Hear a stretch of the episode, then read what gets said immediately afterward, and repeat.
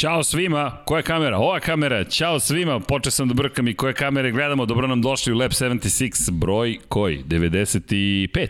93 će doći jednog dana, izvinjam se još jednom što nas juče nije bilo, morali smo malo da odložimo, malo smo se zabrinuli za mog tato, ali sve je u redu sa tatom, ispolo je sve ok na kraju, da ne ulazimo previše u privatne priče i detalje, no, morali smo da odjurimo urgentni centar i koristim priliku samo se zahvalim svom medicinskom osoblju, bili su divni i sve moguće moguće preglede su obavili, na kraju sve ispalo ok, malo smo suplašili, tako da izvinjavam se, malo smo propustili delić istorije, SN15 nam je otišao, ispustio se, zaista ne znam kako Elon Musk nije mogao da sačeka toliko, mog tatu da, da, da, da, da završimo preglede, ali pričat ćemo deki i ja ostajemo posle Lab 76 i za Kosmos broj 11, malo su ti lepi brojevi, SN15 otišao, spustio se Apollo 11, priča o tim misijama, šta se događa i tako dalje. Imamo i goste ovde, naša draga ekipa prijatelja je prisutna malo da vidi iznutra studiju na kraju univerzuma i naravno, nadam se da ste vi sa nama. Od danas Moto Grand pričin spominjem gospodine Dejana Potkonjak, zna se o čemu ćemo pričati i da, nadam se da niste zaboravili šta se dešavalo u nedelju, ako je dobar izgovor, prošlo su tri dana od testiranja u Herezu, ali i za nas velika nagrada za početak. Jedan fist bump, ćao deki, si mi dobro? Super. To je, to je dobro čuti, hvala ti za, za, za, za, i za podršku juče i za strpljenje, ali nama prođe četiri dana od kada smo imali poslednju trku, međutim dovoljno uzbuđenje rekao bih i naš naslov suze za Millera, to jest kvartara Millerove i kvartararove suze, jedne suze radosnice. Vanja, možemo da bacimo pogled na onu fotografiju Jacka Millera, ja mislim da je to jedan od opisa vikenda praktično. Jack Miller, prva pobeda u Ducatiju kao fabrički vozač ekipe Ducatija, druga u njegovoj karijeri pobeda koja je zaslužena, svaka je zaslužena, međutim takođe ponovit ću ono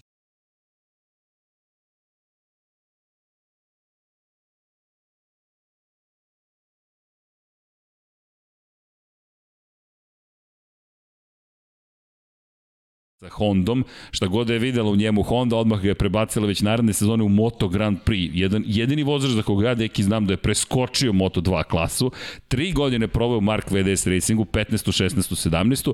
i onda 18. kreće u Pramak, pa 19. u Pramak, pa 20. u Pramak, 21. u fabrički Ducati i uvek tu negde nadomak pobede 2016. slavio po kiši u Asenu, za Mark VDS Racing na Hondi. Inače, zanimljivo je da je posle Casey Stonera, Australijanca, postao prvi čovek koji je pobedio i na Hondi i na Ducatiju. Zapravo nije. Nije, nije, nije. Pogrešio sam od Andreja Dovicioza. Doviciozo prva pobeda u Hondi 2009. i onda na Ducatiju i sada to Jack Miller isto čini, ali... dobro, australijanac, tako da... Moralo je da se desi. Da. ali činjenice da su jedne druge suze dovele praktično do toga da zabeleži pobedu, koliko god da je fenomenalan uspeh koji je stvario Jack Miller, ne slažem se da ovo bio masterclass Jacka Millera kako je potpisano, ne slažem se da je ovo trka najveličanstvenija kojom je učutkao sve kritičare, ovo je jedna fenomenalna trka, zaslužena pobeda pobeda, ali ovo je izgubljena bitka Fabio Kvartarara, koji je imao zapravo ozbiljan problem sa rukom, Verovao sam da su gume u pitanju, izvinjenje moje Mišelinu, s obzirom na činjenicu da nema veze s gumama, nema veze s motorom, već jednostavno ljudsko telo ima svoje ograničenja i taj compartment sindrom o kojem često pričamo, nismo toliko pričali u poslednjih godinu dakle i možda pa malo manje mesec, od Kala Kračila, da. tako je. Jednostavno, ovo je jedan ozbiljan problem koji dovode do toga da Fabio Quartararo uprkos briljantnoj vožnji, to bi bio masterclass, jednostavno odustane u sred trke i, i jedva stigne do cilja. Jack Miller nasledi pobedu, ali kažem, zaslužena pobeda, svakako emotivna i pozitivna, s obzirom na činjenicu da je Jack Yes vrlo popularan, ali videli smo baš dva različita para suza u, u, u nedelju u Španiji i evo pogleda na vremena koje smo gledali, ne mogu reći sad odjednom to su toliko neverovatni rezultati, to ide gore dole, ide gore dole, vidit ćemo neke druge rezultate, velik nagrada Španiju u Herezu, međutim pripala zasluženo Jacku Milleru i, i pobjeda koja će se pamtiti. Pa ovo su rezultati koji pokazuju jednog zrelog Jacka. To je ono što, što je njemu bilo potrebno da, da iskoristi tu situaciju koja mu je ovaj, kojem, priliku stvari kojemu, kojemu se pružila zbog tih problema koji imao Quartararo ovaj, i upravo to što kažeš nije ovo neki master klas, ali jednostavno je pobjeda koja je njemu bila neophodna i s kojom je sa svojih pleća skinuo teret teži od tog Ducatija kojeg je vozio. Tako da, A bukvalno, baš je skinuo da, ogroman teret to je, sebe. To je njemu bilo, bilo važno i zbog toga, je- zbog toga u stvari ta pobjeda njemu, njemu bitna više nego, nego bilo, bilo kome drugom, pre svega zbog tog lošeg početka sezone i svega što se njemu dešavalo sa arm pumpom i, i, i tako dalje. On tako dalje. Da operaciju ruke, zaboravimo tako da on, on još uvijek ima svež ožiljak na svojoj ruci, tako da on vrlo dobro znao u kakvoj situaciji je Fabio bio, a sad u stvari vidimo kako je Jacko početak sezone bio sa tim istim problemom s kojim se Fabio susreo. Nije bilo tako dramatično i drastično u smislu ovaj dešavanja na samoj trci, ali verovatno je mnogo ga je ovaj isputavalo na samom startu sezone. Da, da pobeda broj 1 ove sezone za ne Yamahinog vozača posle dve pobede uzastopne Fabio Quartarara i pobede na prvoj trci sezone Maverika Vinjalesa. Dva puta na poziciji broj 9 je bio Miller na početku sezone u obe trke u, u Dohi, velika nagrada Katara, velika nagrada Dohe i zatim pad u Portugali, ali malo posle operacije i oni Iker Lekona su imali operaciju podlaktice. Za one koji eventualno ne, zna, ne znaju, toplo preporučujemo da pročitate kompletan članak zapravo o kompartment sindromu. Radi se o tome da je da ruka da su mišići zapravo toliko razvijeni podlaktici, toliko snažni da blokiraju normalno funkcionisanje Membrana mišića Tako ne može je. da prati, jednostavno dolazi do bukvalno zaustavljanja krvi. Jednostavno, ruka ne može se hrani krvlju i dolazi do problema velikih bolova i to je to. Jednostavno, Jednostavno, zamislite da se da. naduje ruka toliko, da je mišić toliko snažan, da opna koja drži taj mišić ne može to više da podnese.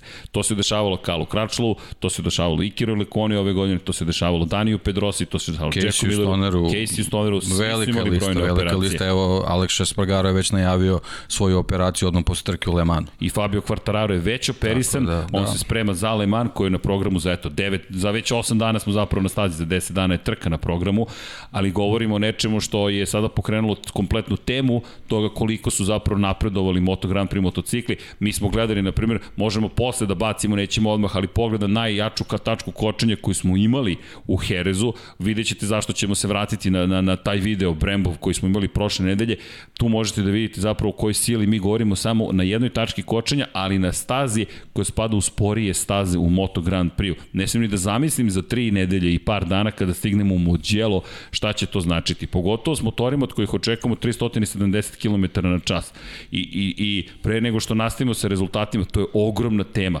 I zato smo rekli suze jednog, suze drugog. Jedan koji je doživao ozbiljno olakšanje, baš si lepo rekao, teže od Ducatija praktično i Jack Miller koji sada ulazi u period sezone u kojem može potencijalno ozbiljne rezultati da postigne da uživa najzad. Le Mans je staza koja će odgovarati Ducatijima, stani i kreni takozvana staza, mnogo sporih krivina, mnogo snažnih kočenja, Ducati je tu i dalje odličan, stabilan na kočenju, stabilan na dodavanju gasa, s druge strane, idu kući, idu u Mugello, gde očekujemo zaista Ducati da bude svirep na, na, na, na, na, na, pravcu, kada govorimo o 370 km čas, ne šalimo se, mi smo videli preko 360 u Dohi, a Mugello je najbrža staza koju imamo u kalendaru. Pa ne smemo da zaboravimo da je, da je Jack bio najbolji vezano za testiranja koje smo imali u Kataru, onda su vjerojatno krenuli da se pogoršavaju ti problemi uh, sa, sa rukom, tako da sad uh, u nastavak sezone, pre svega u, u ove sledeće dve trke, da, da ne idemo sad dalje, jednostavno ulazi i zdravstveno i psihički rasterećeniji, tako da, kao što si rekao, zaista očekujemo da, da, da ga vidimo u samom vrhu na te dve trke. I bukvalno nije moglo u boljem trenutku da mu se desi da zabeleži ovaj triumf. Pored toga, čisto da ekipi Ducatija bude još lepše i lakše, Francesco Banjaja, drugi vozač fabričke Da, ekipe, upravo sam to htio da kažem.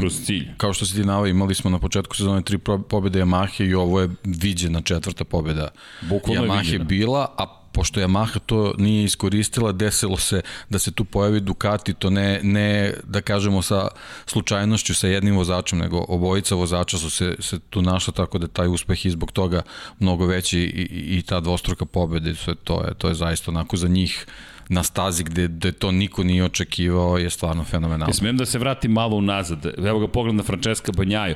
Ajde da, bilo bi lepo, posle ćemo da bacimo pogled na Millerove krugove. Ako pogledamo, Banjaja je od 1.38.7, 38.5, 38.4, 38.5 spustio tek u sedmom krugu na 38.1, pa malo loši krug i onda 38.0, 38.1, 38.2, 38.3, 38.4, 38.5. Možete da pretpostavite kad se desila promena u momentu kada kreće kreće žurka i jurnjeva 38-3, 38-1, 38-1, ali i sam je rekao da je napravio grešku na početku. Ta konzervativna vožnja, e tu Miller zaslužuje ogromne pohvale, zaista i ogromne čestitke. Zašto? Ako možemo, Vanja, bacimo pogled na Jacka Millera na početku trke. Jack se bacio na jurnjevu. 37-9, 37-9, 37-9. To su krugovi gde spaljujete sve. Dakle, kakva crna zadnja guma, Mišelinova prednja guma, to je potpuno nevažno, jer on od tog momenta u 6. 7. 8. krugu odgovara na sve što čini Fabio pa, Quartararo. Smem da se usudim da kažem da nisu ta tri kruga tako bila, ne bi ni pobjede bilo. Tako je. I sad, Vanja, ako možemo na Banjaju, 6. 7. 8. krug, čisto da zapamtimo, 6. 7. 8. krug, 38-5, 38-1, 38-3. Hvala lepo, 6 desetinki, 2 desetinke, 4 desetinke, eto ti je sekunda. Cijela sekunda u samo ta tri kruga i dok je Banjaja odgovorio na to, Jack Miller je već nestao. I, i nestao. Nestao njemu, a Fabio Quartararo tek da ne govorimo. Fabio da je nastavio onako da vozi to ono što smo pre, ne znam da smo sad u, u prenosu, to jest u prenosu, u podcastu rekli i pre, to bi bila njegova pobjeda. Baš bi bila Quartararo. Ja sam, ja sam pre trke jednostavno tipavo na njega, čita vikend je to pokazivala, to bukvalno tih nekih Pogledaj poslednjih 15 krugova ruka nije izdržala, eto. Ali ja mislim da da da ovaj da bi apsolutno ubedljiva pobeda. Ovo je na nivou master klasa. 37-7, 37-8, 37-8, 37-7, 37-9, 38-0, 38-0, 38-0, 38-0. Ne znam ko je na Instagramu prokomentarisao, kaže prvi put od Jorgea Lorenza da vidim da je neko ovoliko precizan na Yamahi. I zato je meni bilo frapantno kad je jednom počeo iz kruga, da, pomislio sam prvo greška, ok, greške se dešavaju, ali brzo se vratiš u ritam, pogotovo kada si toliko siguran. Ne, 39-0, 39-1, 30 katastrofa za Fabio Quartarara i još je dobro to podneo na kraju. Operisan, osmeh na licu, ide u Francusku i za njega bitna trka, domaći teren. Nadam se da će se dovoljno brzo oporaviti.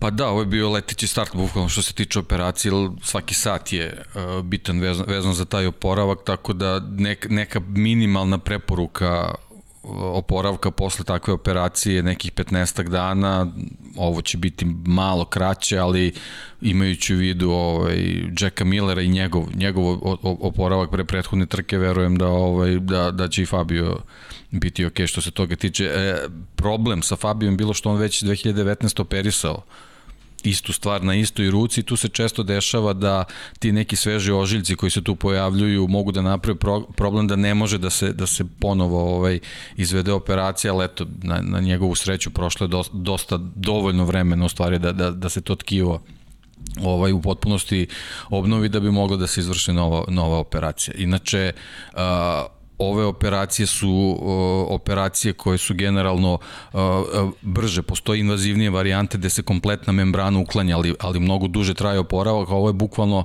samo za, za secanje jednog dela kako bi se oslobodio uh, određen, određenih deo gde se vrši taj pritisak. Samo da objasnimo da. koliko je ovo ozbiljna situacija i ovo citiram, citiram compartment sindrom sa Wikipedije. Dakle, compartment sindrom, sindrom mišić, mišićnih odeljaka je reperfuzijski poremeć izvan iz hemijskim otokom mišića zatvorenih u gustom facijalnom omotaču, najčešće kod podlaktice, podkolenice i butine.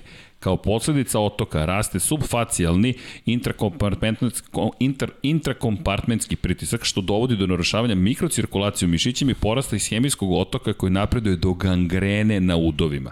Mi ovde govorimo o problemu koji, je, koji može dovesti do trajnih oštećenja tkiva.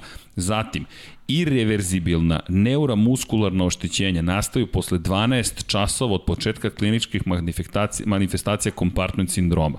Zato su brza i prava dijagnoza kompartment sindroma i dekompresija putem fasciotomije od odlučujućeg značaja za uspostavljanje normalne cirkulacije i spašavanje ugroženog ekstremiteta od nekroze i amputacije. Kao posledica kompartment sindroma nastaje Volkmanova ishemijska kontraktura. Mi ne govorimo o nečemu što ja boli me ruka, boli me mišić. Ne, mi ovde govorimo o posledicama koje su vrlo ozbiljne, dakle koje menjaju život kompletan i kod vozača Moto Grand Prix motocikla nešto što se nažalost prečesto, prečesto čuje. E sad, gde gde je veliki problem? Svi želimo veće brzine, svi želimo veće uzbuđenje, svi želimo 370 km na čas. Pitali su vozača u Kataru da li se plašite ovoga. Ne, nemamo problem s time. Međutim, gde nastaje ovo je sad kombinacija stvari? Motori su sve moćniji, gume su sve bolje, bolje prijanjaju, kočnice su sve moćnije. I Vanja, je li ima šanse možda da bacimo pogled na, na Brembov, onaj video od prošle nedelje? Ako ima ikakve šanse, to bi bilo savršeno. Zašto? Ja, Vanja, Vanja, Vanja, spremni Vanja. Obratite pažnju na ovo. Dakle, mi govorimo o krivini broj 1 i ovde govorimo o brzini koja je ispod 300 km na čas. Podsjetit ćemo vas na ovo u Muđelu. Međutim, zahtevnost za stazu je vrlo ozbiljna. 33 sekunde vi provodite u kočenju. Prilazak krivini broj 1 podrazumeva šta? Ako se dobro sećam, negativno ubrzanje od 1,5 sila zemljine teže. Dakle, vi morate svojom desnom rukom prevashodno, koliko god da kočite motorom, da podnesete jednu i po sobstvenu težinu i težinu motocikla. 5,6 sila kilograma je pritisak, međutim, negativno ubrzanje, pogledajte.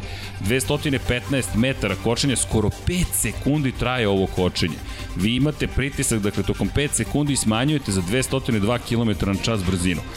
Šta se događa? Evo, možemo da vidimo i koja je temperatura diska. Naprimjer, 700 stepeni Celzijusa, 12 bara je, je snaga koja se, koja se postiže prilikom kočenja. Sve to odlazi uglavnom na ruku.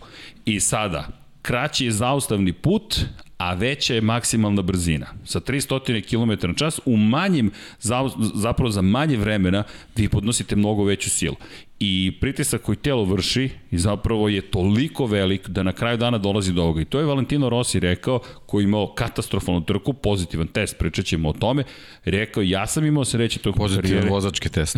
Vozač, okay, Pošto da. sad u svetlu neke stvari koje pričamo, nemoj, molim te da spominješ pozitivne testove. da, da, da, da, da, vidiš, moram ti pričati si imao tiltova. Okay. Pa, ono, krenuli smo ozbiljno, aj malo da, da razbijemo. Da. Vidi, deki, kad ti razbiješ, to znači da je preo ozbiljna situacija, hvala ti. ali da, pozitivan vozački test. Ok, opustit ću malo atmosferu, ali jeste ovo baš ozbiljna tema, no, da se vratimo.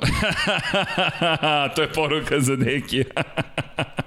Hvala ti Vanja, sve sa ovim brkovima iz novembra, ali okej, vidim da ste se spremali, a Vanja, šta se ovo događa? Jedan dan me nije bilo i ovde odmah cirkus nastao, pozitivan naravno, hvala Vanja.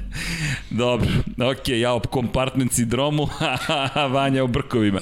Šalu, da, da. a Deki o pozitivnim vozačkim testovima.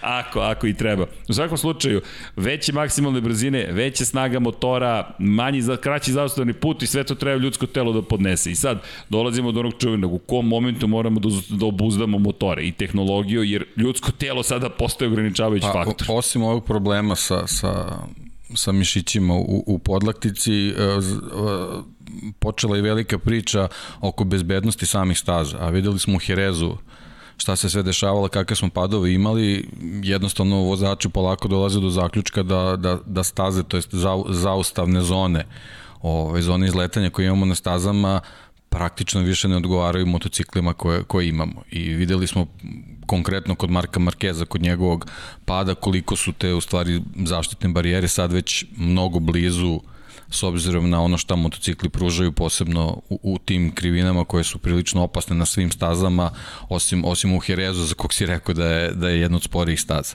A videli smo tako kakve da, incidente. Tako da to su stvarno stvari koje bi bilo dobro ovaj rešiti pre nego što se zaista nešto dogodi da pa da moramo da razmišljamo o tome. Da, i ne vidim da mogu tek tako staze sve da se promene. Pre gledam ka nažalost, ali restriktivnosti pravila, možda čak će i Brembo biti taj koji će najviše trpeti zašto s obzirom na činjenicu da je tehnologija koju oni razvijaju toliko daleko otišla, možda i Michelin, dovela do toga da je gotovo, da su sve staze sada rekordne. Pri čemu Michelin takođe je rekao, mi hoćemo da oborimo rekorde na svim stazama ove godine i gume koje pripremaju su bukvalno podređene pa, tome da, da se obore rekorde. Da, to je neki, neki začarani krug, je, je jednostavno o, o, fascinantan razvoj tehnologije u, u, u smislu razvoja kočnici i pneumatika dovodi do toga da su i proizvođači motocikala sve slo, slobodni spremni da, da krenu neke ekstreme vezano za, za snagu motocikla i generalno performansi koje pruže, a eto Ducati nam je zaista najbolji primer toga. Ba, ne bi taj motocikl ne bi mogo, da, mogli da ga razvijaju da toliko ide da, da nisu sigurni u, u tehnologiju kojim pružaju kočnice i, i pneumatici, mi pre smo, svega kočnice. Izvini, mi smo ove godine probili magičnu granicu od 300 km na čas u Herezu. Novi rekord bio je 297 stari, je 300,8 km na čas Joana Zarka. Govorimo o pravcu od 607 metara. Zarko je na Ducatiju došao do 300,8 km na čas. i to je na, u krivini broj, pred krivinu broj 6, koja nije najjača tačka kočenja, mi idemo preko 300 km na čas. I kada spominjem, inače 259,3 u moto dvojkama, u moto trojkama 220 km na čas. Ali inače, ovo je zanimljivo, Federico Fulini drži rekord staze u Moto dvojkama od pre dve godine, Alex Marquez iz Moto trojke iz, iz 2014. Tu su se stvari promenile, tu su ograničili broj obrtaja zapravo posle te sezone i rekli moramo malo da obuzdamo stvari kada reč o Moto trojkama. Show se nije promenio, tako da postoje različite rešenja, ali MotoGP opet kraljica, a kada spomenjamo Mugello, trenutni rekord iz 2019. kada smo poslednji put bili u Mugello 356,7. Dve godine kasnije, kada se pojave u Muđelu, uz dobre vremenske uslove, u kvalifikacijama, ako neko uhvati zavetrinu, 370 gotovo sigurno ćemo vidjeti. Što opet nas vraća na pitanje dokle. Inače tamo Moto dvojke idu preko 300 km na čas, a Moto trojke 248,1. I tako. U svakom slučaju, gledali smo trku koja, eto, obeležili, obeležili se suze. Meni je to zaista najjači utisak. Ne mogu reći baš da mi se dopada što su svi fotografisali Jacka Millera odmah posle trke, ali činjenica da ova fotografija predstavlja jedno zaista veliko oslobađanje emocija. Možda kamere TV-a ne moraju baš to da isprate u tom trenutku, ali ok, show je svog oko nas, što, što evo, citiraju te već i u četu, real, poslednji, to je spravi reality show u Moto Grand Prix smo dobili, ali koga sam zaboravio? Treće plasiranog čoveka toliko je Ducati bio impresivan i inspirativan u cijeloj ovoj priči, da nisam stigao da spomenem da smo mi zapravo u trci gledali pa dosta zanimljivih momenta. I ti kada pogledaš kome će pripasti na kraju pozicija broj 3, ti kad se pitaš ko, ko će sada doći, ko će ovo iskoristiti, da li ćemo opet videti Yamahu, da li ćemo videti Hondu, Takaki Nakagami, koga smo spomenuli. Inače, smem samo na trenutak, to sam krenuo da kažem. Mislim, sećaš prošle nedelje šta sam rekao, ko bi mogao, koji proizvođač bi mogao da pobedi, na šta mi miriše? Čisto da se pohvalim. Moram da priznam. Ja se da sećam, šta sam rekao, reći. ko je poslednji pobedio 2006. godine, poslednji put pobedio 2006. godine. Jel, jel te sad, jel ti se osvežilo sećanje? Se, da. Čestit. Jesam ti rekao da je osjećam yes. da će Ducati da pobedi, mada sam tipovo na Vinjale, sam Maverick Vinjalac koji je nažalost podbacio ozbiljno, ali sam mislio da će Banjaje završiti pobed. Doći ćemo na to. Ali, reci, pogodio Svaki sam makar čas. proizvođača. Nešto mi je mirisalo, moram ti priznati na Ducati u pobedu, ali Franco Morbidelli, dve godine stari motocikl, on čovek prođe kroz cilj kao treće plasirani. Kako već ni Yamaha nema pa, pojma. I to smo spominjali, jednostavno Katar nije bio dobro merilo za njega, kad se do, sad kad do, dolazimo na staze koje su onako nekako trkačkije u, u, u smislu ovaj Yamahe do, u, u tom trenutku dolazi do izražaja, do izražaja nešto što ima Frankie Morbidelli. E sad, ima mnogo toga. Vremenom pazi. ćemo ovaj saznati Šarm. o čemu se radi, ali svaka mu Brzinu. Zaista, zaista. I on je rekao da je rizikovao u svakom krugu i da je rekao, ok, jel o, ovo je način da ja dođem do rezultata. Rizikovo ću u svakom krugu, nije spomenuo da je god motor start dve godine, ali svi smo spomenuli i svi pričaju i svi vrše ogroman pritisak na Yamahu. Yamaha sada dobije jedan negativan PR, konačno najbolje pa, pričali plasiran. smo pre početka sezone. Ti si rekao to, to jedan na jedan koliko je to loš ne, potez bio nedopustivo. Nedopustivo, bukvalno za, za fabriku tog renomea, a mi sada dolazimo Znaš, do toga da ponovo ne priče o, o, o plaćanju sa, od strane Petronasa, nisam baš siguran da su te pare bile neophodne Yamahi i da, da je to baš trebalo na taj način da bude ovaj, regulisano, ali dobro, sezona pa, je krenula tako je kako je, apsolutno, apsolutno. Da li ti se isplati ova priča ili ti se više isplati da kažeš mi stajemo iza svih i praktično se niko više tim ne bavi? Mislim, definitivno ovo izdanje Frenkije pokazuje pre svega u odnosu na vožnju Kvartarara šta bi bilo kad bi on mogao da ima identičan motor kao Fabio Kvartarar. A rezultati Fabija do, do problema pokazuju koliko je u stvari ta nova Yamaha brža od Yamahe koju Frenkie ima. Ne, ova Yamaha je ozbiljan korak u napred i evo pogleda na Franka Morbidelija, hvala Vanja. Frank je spustio jednom Ali rezultatu. pogledaj sedmi, da, pogledaj taj sedmi, sedmi krug. 37-9 ti, ti izločiš na, na, na, na M jedinici koja je stara dve godine i dosta je to jednostavna situacija. Vratimo se kada je to bio nov motor, vratimo se u 2019. Pogledaš trku, kažeš uradiš analizu krugova po to, u trci, Mark Marquez, najbrži krug koji ima u trci te godine, 38-0. Mi pričamo o 2019. kada je zabeležio pobedu. Alex Rins je tada Kad bio drugi. je motocikl koji Frenki vozi aktuelan bio. Tako je. Najbrži krug tada 38.1 je vozio Maverick Vinales na Yamahi kada je zauzeo treću poziciju. Alex Rins je bio na poziciji broj 2. Dakle, Morbidelli je na tom istom motoru. Da, gume su napredak, kočnice itd. I postoji napredak. Da, Drugačiji su vremenski elementi i tako, dalje, je. svašta ima, da. Ali on je dečko bio na onom nivou koji je fabrički vozač Yamahi bio pre dve godine. I ono što je zanimljivo rekao je, ja imam, on on je istakao, rekao je da je Ramon Forcada taj koga on ima u svom ćošku, u svom uglu, u svom kutku. Ramon Forcada, za oni koji eventualno ne znaju, čovjek koji su Jorge Lorenzo osvojio tri titule kao glavni inženjer i Franki se baš na njega pozvao po završetku trke, najbrže plasirani inače vozač privatne ekipe, bolji od svih ostalih. Samo su dva fabrička Ducatija bila ispred njega na kraju i bila bi jedna fabrička Yamaha, četvrta pozicija bi mu pripala da Kvartararo nije imao problem, opet sjajan uspeh i važnih 16 pojena u šampionatu sveta gde, da ne zaboravim, Francesco Bunja je preuzeo vodeću poziciju, dva pojena ispred Fabio Kvartararo Quartarara koji dalje u igri, posle operacije pogotovo odlaska u Francusku, vidjet ćemo i u Mugello, ja očekujem Yamaha da bude prilično opasna, bez obzira na taj dugački pravac. Maverick Vinales zadržao treće mesto u šampionatu, iako su mu rezultati pobeda, peta pozicija, 11. pozicija, sedma pozicija. Ako je nešto sigurno, to je da Maverick Vinales nemamo predstavu gde će završiti trku. Nastavlja u svom fazonu.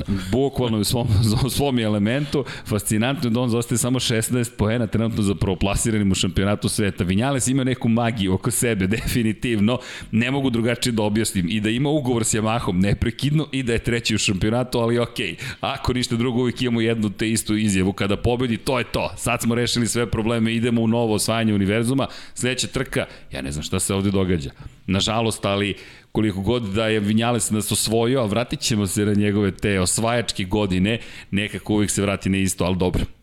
Maverick Vinjales, sedma pozicija, čisto da spomenemo kad smo već tu, međutim Franco Morbidelli uz, uz Millera i Kvartarar, bez obzira na probleme koje Kvartarar ima, baš su heroji dana bila bili, baš, a kada kvartararove krugove pogledamo, inače su reko, rekordi staze, dakle mi sada govorimo o potpuno novom rekordu staze, mi nismo vozili ispod 1.38 pre dve godine, prošla je bila specifična 60 stepeni Celsijusa temperatura staze, sada rekord staze kada govorimo o Herezu 1.37 770. Neverovatno. U trci, u kvalifikacijama 36, 584 prošle godine Vinjales u kvalifikacijama to i dalje stoji kao najbolji krug i Zarko to što je uništio praktično rekord po pitanju maksimalne brzine. Ali okej, okay, kada pričamo o ostalima, Honda za mene mnogo interesantnija priča bila u ponedeljak. Četvrta pozicija za Takaki Nakagamija. Takaki Nakagami koji je i prošle godine ovde bio četvrti. Međutim, Spomenući ostale rezultate. Mark Marquez, pozicija broj 9, dva kat, stravična pada, jedan u krivini broj 7, to je ono što si pričao, završio je direktno u vazdušnoj ogradi, u vazdušnom zidu praktično. A problem je što je motocikl išao za njim, to je to je mnogo veći problem bio srećom, u tom trenutku. Da. Ni, ni, e, srećom su se razišli u jednom momentu. Nažalost, vraća nas na Luisa Saloma, vraća nas na taj incident iz Barcelone gde mu se motor vratio. Umeđu vremenu Barcelona promenila te krivine, promenila je, vratila je šljunak, zatim je stavila zaštitni, zaštitnu ogradu, pri čemu i tad su postojale, vazdušni jastuk je postojao ali je udarac takav bio da, da i problem sa vazdušnim jastukom što je vozač može da se zavući ispod njega. Jeste. To, to je problem koji moraju da reše, to su neki, neki sledeći koraci sa tim vazdušnim jastucima koji naravno zahtevaju razvoj. Jako je teško da Kao da neko u prvom trenutku da, dobi ne, ne, neko idealno rešenje, ali jednostavno to su ti neki nedostaci i ovaj pad Markeza pokazuje da srećom pa se ništa nije desilo, ali nažalost moglo je svašta to da bude. Da, i, ali važno je napomenuti, rekao bih da je rekao da nise da nije bilo vazdušne ograde, ja bih poginuo. Apsolutno. A on je na, on je, to je Đankić, to je Aleksandar sjajno, sjajno inače pogodio, rekao ovo je na 200 na sat. Ja sam rekao nije na 200 na sat, bilo je 195 km na čas kada izletao sa zastrašujuće. Ali opet priča o gumama, kada ti u krivini možeš da podneseš toliko opterećenja, stil vožnje koji su promenili, način na koji se sada oslanjanje praktično menjaju, dovode do toga da oni bukvalno u sedmoj krivini sa 200 km na čas prolaze kroz krivinu.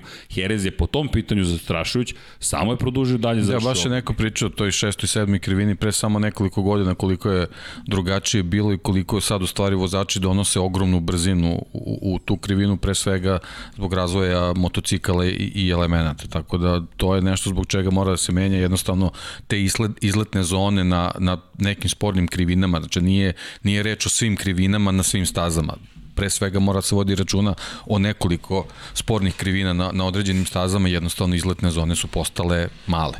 Ne, I to, To je nešto što mora se I menjati. to u Herezu bilo vidljivo u krivini broj 4 kada je izletao sa staze, opet je završio u vazdušnom jastuku, opet je završio u vazdušnom zidu, srećem opet ga je spasao, ali to je krivina broj 4 gde je prošle godine prvi put izletao sa staze i, Gde je čak i prošle godine kad je bilo izletanje videlo se koliko je tu velika izletna zona i kao ima mesta. bezbedno je. Jednostavno nema, Više sa ovim nije. motociklima ne. Ne, i to je ono što je zastrašujuće kod Moto Grand Prix, zapravo i ove zaustavne, st- ta- pr- praktično zaustavni put i tačke kočenja ne pokazuju dovoljno koliko smo napredali. Mislim da neko mora da napravi koliko se, eto, znamo ko, Lab 76, koliko se promenile brzine u teme. Znaš šta ćemo da uradimo? Da pogledamo mi krugovi iz prethodnih godina i vidimo na krugovima on board kolika je bila krivina pa napravimo por. Inače, hvala Momčilu Vukiću, hvala i Šejli, iako Šejli nas podržava u Formuli 1 i spomenjem namjerno Šejlu, rekao sam da se neću previše izvinjavati, ali u duhu Kanade, izvinjavam se još jednom Šejla što nismo iskoristili neke grafike, a Momčilu hvala na, na svemu što priprema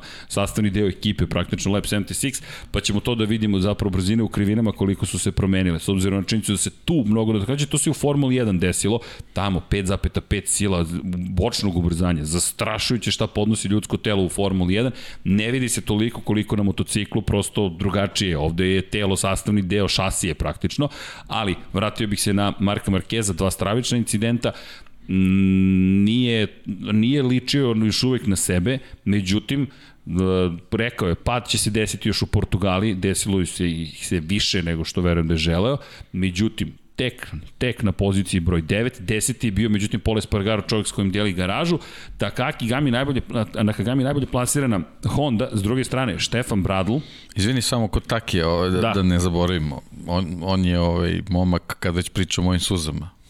I njegove suze i su njegove postale, suze, da. tako je. To ne smemo tako da zaboravimo. Ima da. mnogo suza. Da, Ima da, mnogo da, suza. ovo je baš bila prilika za, za prvi podijum.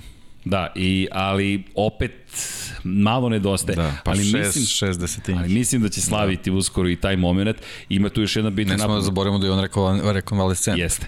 I ne samo to, i Mark Marquez je na neki način bio opet u suzama, ali suze dva puta padovi, Valentino Rossi takođe u suzama, suze su baš obeležile, ne bukvalno, ali on je rekao prvi put u svojoj karijeri, volim MotoGP, ali se ne zabavljam trenutno. Boriti se za 17. poziciju nije zabavno i, i, i samo da mi ne pobegne ovo oko Honda, Štefan Bradl, koji je na kraju ne završio na poziciji broj 12 i Alex Marquez koji ponovo nije stigao do cilja, kontakt. Isti početak sezone kao, kao prošle godine. Neverovatno, u četiri trke jedna da, završena, da, da. O, osam poena, Čak ali, i prošle godine još i bolje bilo. ali gde bi moglo, izvini, da bude suza, kada me već to light motiv. Pole Spargaro u ponedeljak, prilikom testa, je bio vrlo kritičan prema Hondi, Takaki Nakagami je koristio šasiju za 2020. godinu s motorom za 2021. Zatim je Pole Spargaro rekao, kao novi vozač fabričke ekipe Honda, ja sam ovde zaposleni. Ja ću voziti šta mi daju. Mark Marquez je tokom trke imao jedan motocikl sa šasijom za 2020. sa šasijom za 2021. Marquez je rekao da podešavanja jedna su Bradlova, jedna njegova i da sad počinje polako da, da motor, motocikl podešava kako on želi, ali da su u ozbiljnim problemima s obzirom na činjenicu iz njegove perspektive da je motor nije on razvijao. Honda tradicionalno razvija motor prema najbržem svom motociklisti, to je prošle godine bio Takaki Nakagami. Takeo Yokoyama, tehnički direktor Honda je izjavio da je to prosto njihov proces ko vozi najbrže, prema njemu na, prosto razvijaju motocikl. Markezu ovo trenutno ne odgovara, ali najveći problem, meni je tu vrlo interesantno, bilo je istakao Pole Spargaro. Rekao je, ljudi, mi ne nastupamo ovde kao tim. Ja ne znam šta testira Mark Marquez, ja ne znam šta će koristiti Takaki Nakagami, Alex Marquez imao treću kombinaciju, ja sam imao četvrtu kombinaciju. S kim ja da se poredim ako svako od nas vozi nešto sasvim drugo? Nemam s kim da se uporedim. To i, i njegova opaska, ne možemo da kažemo kritika bilo šta, Opaska, opaska, jednostavno da. opaska ovaj, adresirana ka Hondi je što je suviše delova, recimo konkretno na test donešeno, da jednostavno je napravljena neka kakofonija da oni nemaju nikakav zaključak posle svih tih ovaj, analiza, upravo to što si rekao, oni jednostavno nemaju poređenja. I, i znači, je moj utisak? Dođu se, dođe se do nekih zaključaka, on, on konkretno video da je, da je blizu takinih rezultata, ali ja sam siguran da on, da on nije ubeđen da zna zašto je to tako. On je to i rekao. Inače, zanimljiv je test, ali vratit ćemo se na to šta su sve testirali. Ono što je meni tu zanim, veoma zanimljivo iz perspektive pristupa analizi nekoj, jeste postavite bazu, postavite osnovu. Postavite prosto u odnosu na ono na šta poredite stvari. I to mislim da je Rosijeva greška i ove i prethodnih godina. Ako promeniš i ponavljam jednu te istu priču, ljudi, ako promenite tri stvari na bilo čemu što radite, vi ne možete da dobijete koherentne rezultate. Vi idete na sreću. Do sada mislim da je Honda mogla da se izloči na anomaliju zvanu Mark Marquez, na tu činjenicu da on toliko ekstremno talentovan da će on nešto tu da uradi zajedno sa Santin Hernandezom i vi ćete dobiti jednog pobednika. Ostali, ko se snađe, snašao se. Sada dolazimo do druge situacije. Rekonvalescent, tek se oporavlja, pitanje da li će se ikada vratiti u tu formu, koliko god mi verovali ili ne, opet se tu postavlja ljudsko pitanje, da li on čovek je dovoljno može da se oporavi, da li može ponovo tako da vozi, da li može da ponovo da bude tako slobodan, itd., itd., itd., da li može da se vrati taj motocikl kao onome što je njemu odgovaralo. I sada, ako vi uzmete i promenite tri elementa na motoru i dobijete neki rezultat, zašto ste došli do tog rezultata? Šta je tu što je pomoglo? to ne možete da optimizujete po tri parametra. Jedan možete da promerite. Jer smo donali novi izduvni sistem, testiramo novi izduvni sistem. Sad vrati stari izduvni sistem, pa promeni prednji usisni, prednju usisnu granu. Ok, sad vrati to, pa promeni šta god da si sledeće hteo da testiraš. I tek onda kombinuješ ta dva elementa jer imaš rezultate koje možeš da porediš. Pored toga, stavi četiri motociklista, četvoricu motociklista na istu stvar i vidi kome gde šta bolje kako odgovara. Onda promeni kod svih i tako u krug. To verujem da je naučio u KTM-u. Upravo sam to hteo da kažem, on dolaze s jedne druge ovaj, filozofije gde, gde, gde, gde je postojala neka procedura i njemu je sad između oslogi teško da se, da se privikne na ovaj sistem, da možda se koncentriše prilikom testiranja kako da, da kojim očima da gleda na, na, na koje komponente. Tako da to, to je sad isto veliki, veliki problem. Pri tom tamo su imali tokom testiranja, posebno što su prošle godine nisu bili ograničeni vez, vezani za, za, za tu priču, imali su neke, neke rezultate, ne, u stvari neku osnovu koju je donosio Dani Pedrosa i, i pretpostavljam da je bilo mnogo lakše ovaj, da, da se dođe do, do nekih dobrih parametra vezanih konkretno za određene vozače. Ovo je sad, sad eto, kao što si rekao, ne, neka priča koja vuče ka tome da jednostavno ne, ne funkcionišu timski, ali sam siguran da oni neće tu ništa menjati od svoje filozofije, da će se nastaviti tako do nekog trenutka dok Mark Marquez ne bude fizički spremni, jer pre svega, ako se vraćamo na njega, ovo sve što se izdešavalo, mislim da je, da je glavni uzrok ta, ta još fizička nespremnost, ili je pokazao što se tiče te neke vožnje da, da što se tog dela tiče može da bude na, na svom starom nivou. Pa, pa, Jednostavno telo samo još uvijek nije, nije spremno za napore u dužini od 45 minuta koliko traje trka ili ovaj konkretno kad pričamo o treninzima i kvalifikacijama, jednostavno ne može sebi da dozvoli da, da, da se ovaj, tera na maksimum, jer videli smo kako to može da završi.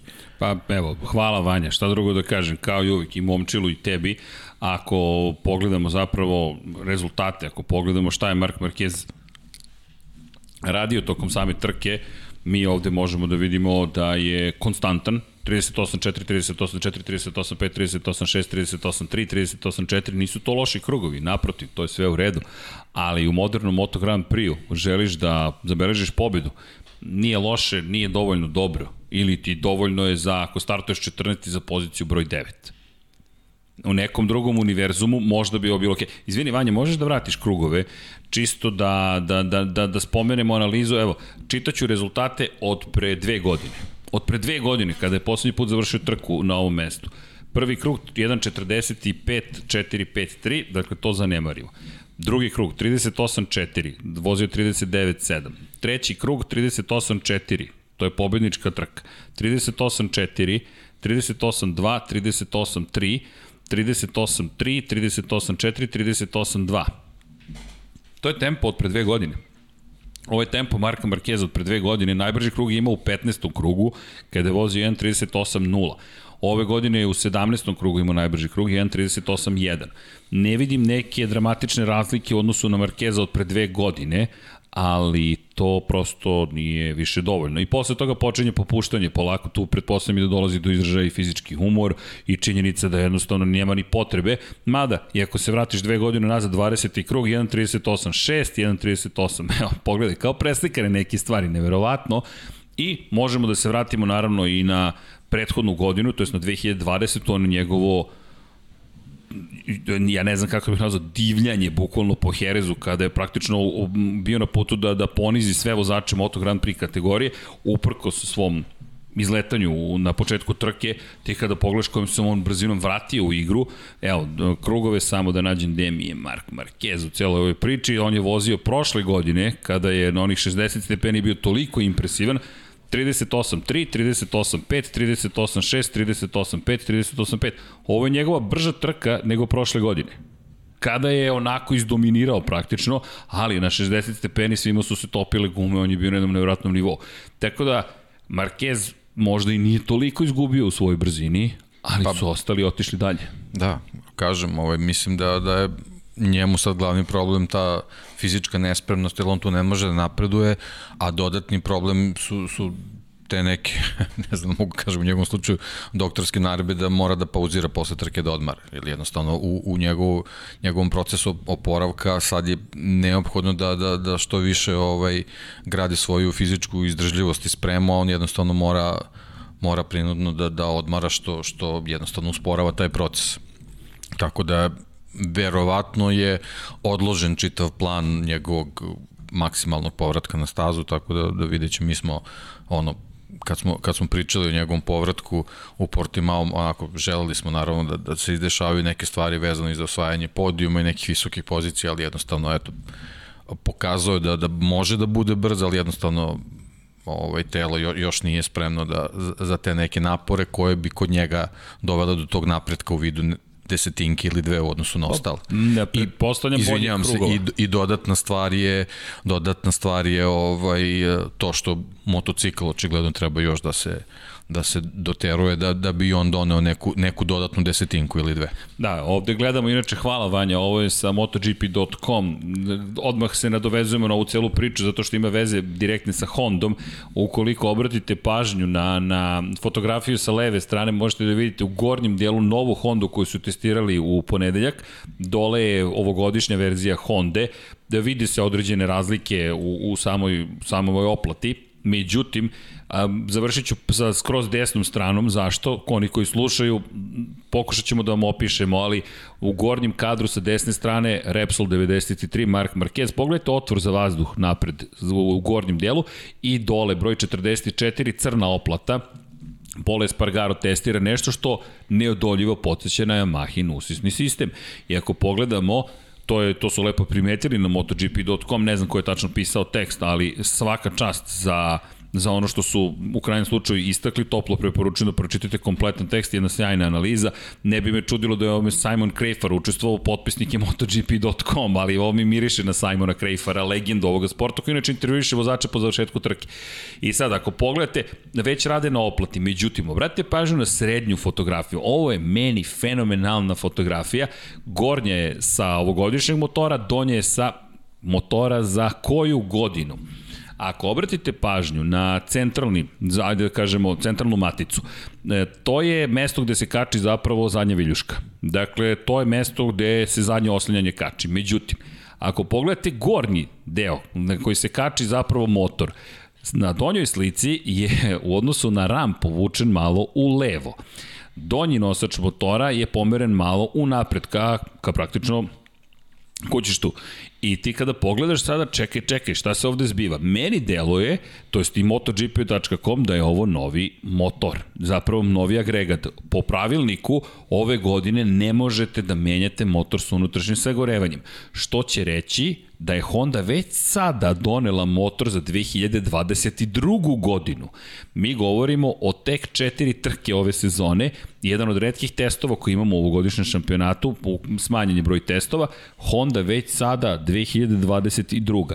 Problem za Honda je što je Mark Marquez izdržao samo 7 krugova tokom ovoga testa i opet se oslanjaju na ne Markeza. Dakle, na Pola Espargara koji opet ne zna šta radi, na Takakija, na Kagamija koji vidimo da još uvek nije baš spreman da nosi ceo, ceo HRC ako će ikada biti spreman i Alex Marquez koji je potpuno izgubljen u, celo, u svemu ome i Štefan Bradlo koji je redovni razvojni vozač. Tako da Honda svašta povlači od poteza, vidjet ćemo da li će to pomoći, ali meni je interesantno kao de facto najveća fabrika gde se u ovom momentu nalazi Honda i naravno vraćamo se na rezultate, na činjenicu da je Takaki na Kagami bio najbolji vozač i da je Takaki na Kagami lepo napredao zahvaljujući ovim, ovih 13 bodova pogled na njegova vremena, pa ne govori u prilog baš tome da je došao do toga da, da, da može baš da parira vodećima. Opet ti gubici 3-4 desetinke u ključnim momentima u trci i dođeš na ono što si rekao na kraju trke gde se Takaki na Kagami našao, našao se u situaciji da mu malo opet nedostaje da se popne na pobedničko postolje. Činjenica, četvrta trka sezone, eksperiment, rekao bih da je uspeo sa šasijom prošlogodišnjom i eto ga na, koliko si rekao, 6-7 desetinki. Pa tako nešto da. da. Vrlo malo je nedostajalo da se ustigne Franka Morbidelija, ali okej, okay, na pohvale za Nakagamija i dolazimo tek onda do čoveka koji je rekao naš posao je da preživimo početak sezone. Branilac titule, Joan Mir, 11 bodova, peta pozicija, 4,2 sekunde. Iskreno, mislim da su i Nakagami i Mir zapravo sjajno prošli u cijeloj priči. Zašto? Rekao bih da Aleš Espargaro koji je prošao zapravo šesti kroz cilj još uvek nespreman, to jest u, u nekim novim situacijama, da zna kada mora da bude agresivan. Žalio se na Fabio Quartarara, da je Quartararo vozio trkačkom putanjom u momentu kada je mnogo spori i da ga je to omelo, ali Takaki na Kagami skidan kapu kako je pretekao u petoj krivini sa spoljne strane Aleša Espargara u pun skrivini, u punom gasu ti napadneš sa spoljne strane, za to moraš baš da budeš hrabar, blago, jeste da ovo podcast i slobodnije formi, svašta može da se izjavi, ali moraš da imaš baš veliko srce da bi ovo uradio i Takaki na Kagami, skidan kapu, taka, žao mi što se nije popeo na pobedničko postolje, mislim da bi to svima mnogo značilo, ali opet čestitke Morbidelli, ali da se vratimo na taj moment, kritični za njegovo četvrto mesto, a tu je odmah povukao i Joana Mira, koji mi deluje, znaš kako, kao ptica grabljivica, koja će da zgrabi sve što se ukaže, pomalo vuče ka beloglavom supu, dakle da se ne izrazim na pogrešan način, je li ovde nešto ostalo za mene? Ja ću to da zgrabim. I ne mislim ništa loše time, već kao što je rekao, moramo da preživimo. On je ovde možda i dva poena uzeo, što će biti potencijalno na kraju sezone prilično mnogo i deluje kao mir od prošle godine, makar meni, ne znam kakav je tvoj utisak, je 13 poena, 9 poena, 16 poena, 11 poena, ko je četvrti u šampionatu sveta, samo poen iza Maverika Vinjalesa, Joan Mir. Pa, ako se sjećaš ovaj, u prošlom podcastu kad smo najavljivali, to je pravili prognoze, ja sam stavio Kvartarara kao ono sigurnog nekog favorita za pobedu, ali sam kao za neku ludu priču stavio yes. Alexa Rinsa. E sad, ovaj, još jedna trka koja je pokazala, Rins je brži vozač od Joana Mira, ali jednostavno njegove kalkulacije tokom trke su prosto neverovatne, zaista. Znači, morao bih zaista da, da poradi na tome. Uh, više nije stvar u tome da li Suzuki ima spori motocikl od oslih ili ne znam šta. Uh, tu je veću štetu osetio Joan Mir na, na trkama u Kataru nego, nego Aleke Rins. Ovo je bila staza gde, gde, gde i on mogao da, da bude ovaj, u vrhu, a da je Mir imao tempo kakav je Rins imao, možda bismo sad pričali o drugom pobedniku trke. Ti kada pogledaš Mir analizu... bukvalno koristi, upravo to što si rekao, Mir koristi sve šta treba da koristi, Alex Rins je blago rečeno nestrpljivo u nekim situacijama i to mu se ponavlja iz trke u trku. Pogledaj vremena Mira, to je, to je, to je sporo na početku. Sporo, on kasnije se malo ubrza i opet svi su se ubrzali od 14. kruga kad su shvatili, ej čekaj, ovde je, ovde je otvorena bitka, ali nije to tempo da ti kažeš borit ću se za pobedu. No dovoljno je za, za petu poziciju. Inače, zanimljivo, posle dve, prve dve trke, Rins je imao poen više od Joana Mira. Mi dve trke kasnije ne pričamo uopšte više o Miru u kontekstu, o, zaprostite, Rinsu u kontekstu šampionata sveta, on je 43 pojena iza Banjaje, Mir je 17 pojena iza Banjaje i opet jedno te isto, u dve trke bez bodova Alex Rins onda će doći jedna Tako pobeda je. ili drugo mesto, to, biće spektakularno. To, sa, sa, sa ovakvim razvojem situaciji, gomilom vozača koje, koji, koji pucuju na, na postolja, postolja, to jednostavno nije, nije dovoljno. I sad da se vratimo opet, kad već pričamo generalno Suzuki-u, da se vratimo na testiranja i oni su probali motor za 2022. I sad Jesu. meni se tu sviđa taj stav i to je, to je nešto a, gde se vidi koliko su fokusiraniji i organizovaniji kad je ta priča u pitanju, oni su jednostavno rekli a, njih apsolutno zadovoljavaju karakteristike motocikala i čitava ta filozofija koja se razvija u ovom trenutku vezano za, za, za njihovog dvotočkaša, a što se tiče motora, jedino što je bitno je da pokušaju da, da poprave brzinu. Znači, apsolutno su zadovoljni sa onim što imaju i za 2021. Za 22. samo je ta neka krajnja brzina nešto što je neophodno i oni su se trenutno fokusirali na to i nema, nema rasipanja u, u eksperimentisanju.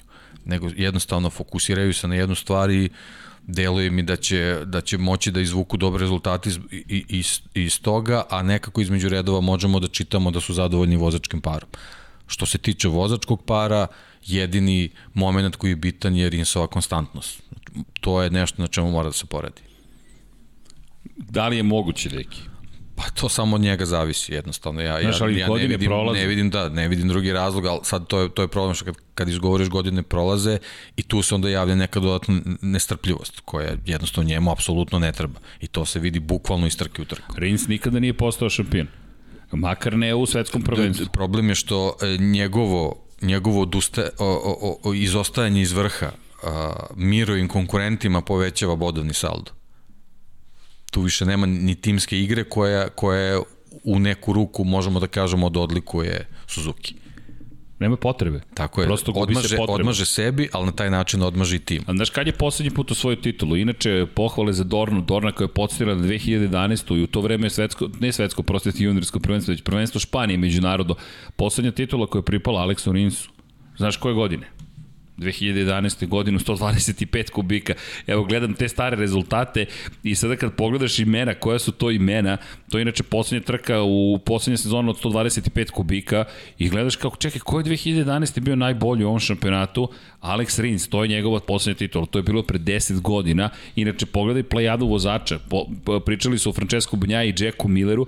Jack Miller koji te godine bio na poziciji broj 2 u, u, upravo u, u šampionatu Španije, ali u Baseteu, na poziciji broj 1 je bio Francesco Banjaja, vrlo zanimljivo, ali slušaj imena, Alex Rins, Alex Marquez, to su pozicije u šampionatu Španije, Francesco Banjaja, Nicolo Antonelli, Erik Granado, Jorge Navarro, Romano Fenati, Josep Rodriguez, koga eto više ne pratimo, Hanfran Guevara koji je neko vreme vozio, John McPhee bio deseti, Jack Miller bio na poziciji 11, Massimo Par Parciani, Ana Carrasco, Andrea Minjo i tako dalje i tako da. Albert Arenas se tu pojavljuje itd. Fraser Rogers koji se vratio u šampionat eto posle 10 godina.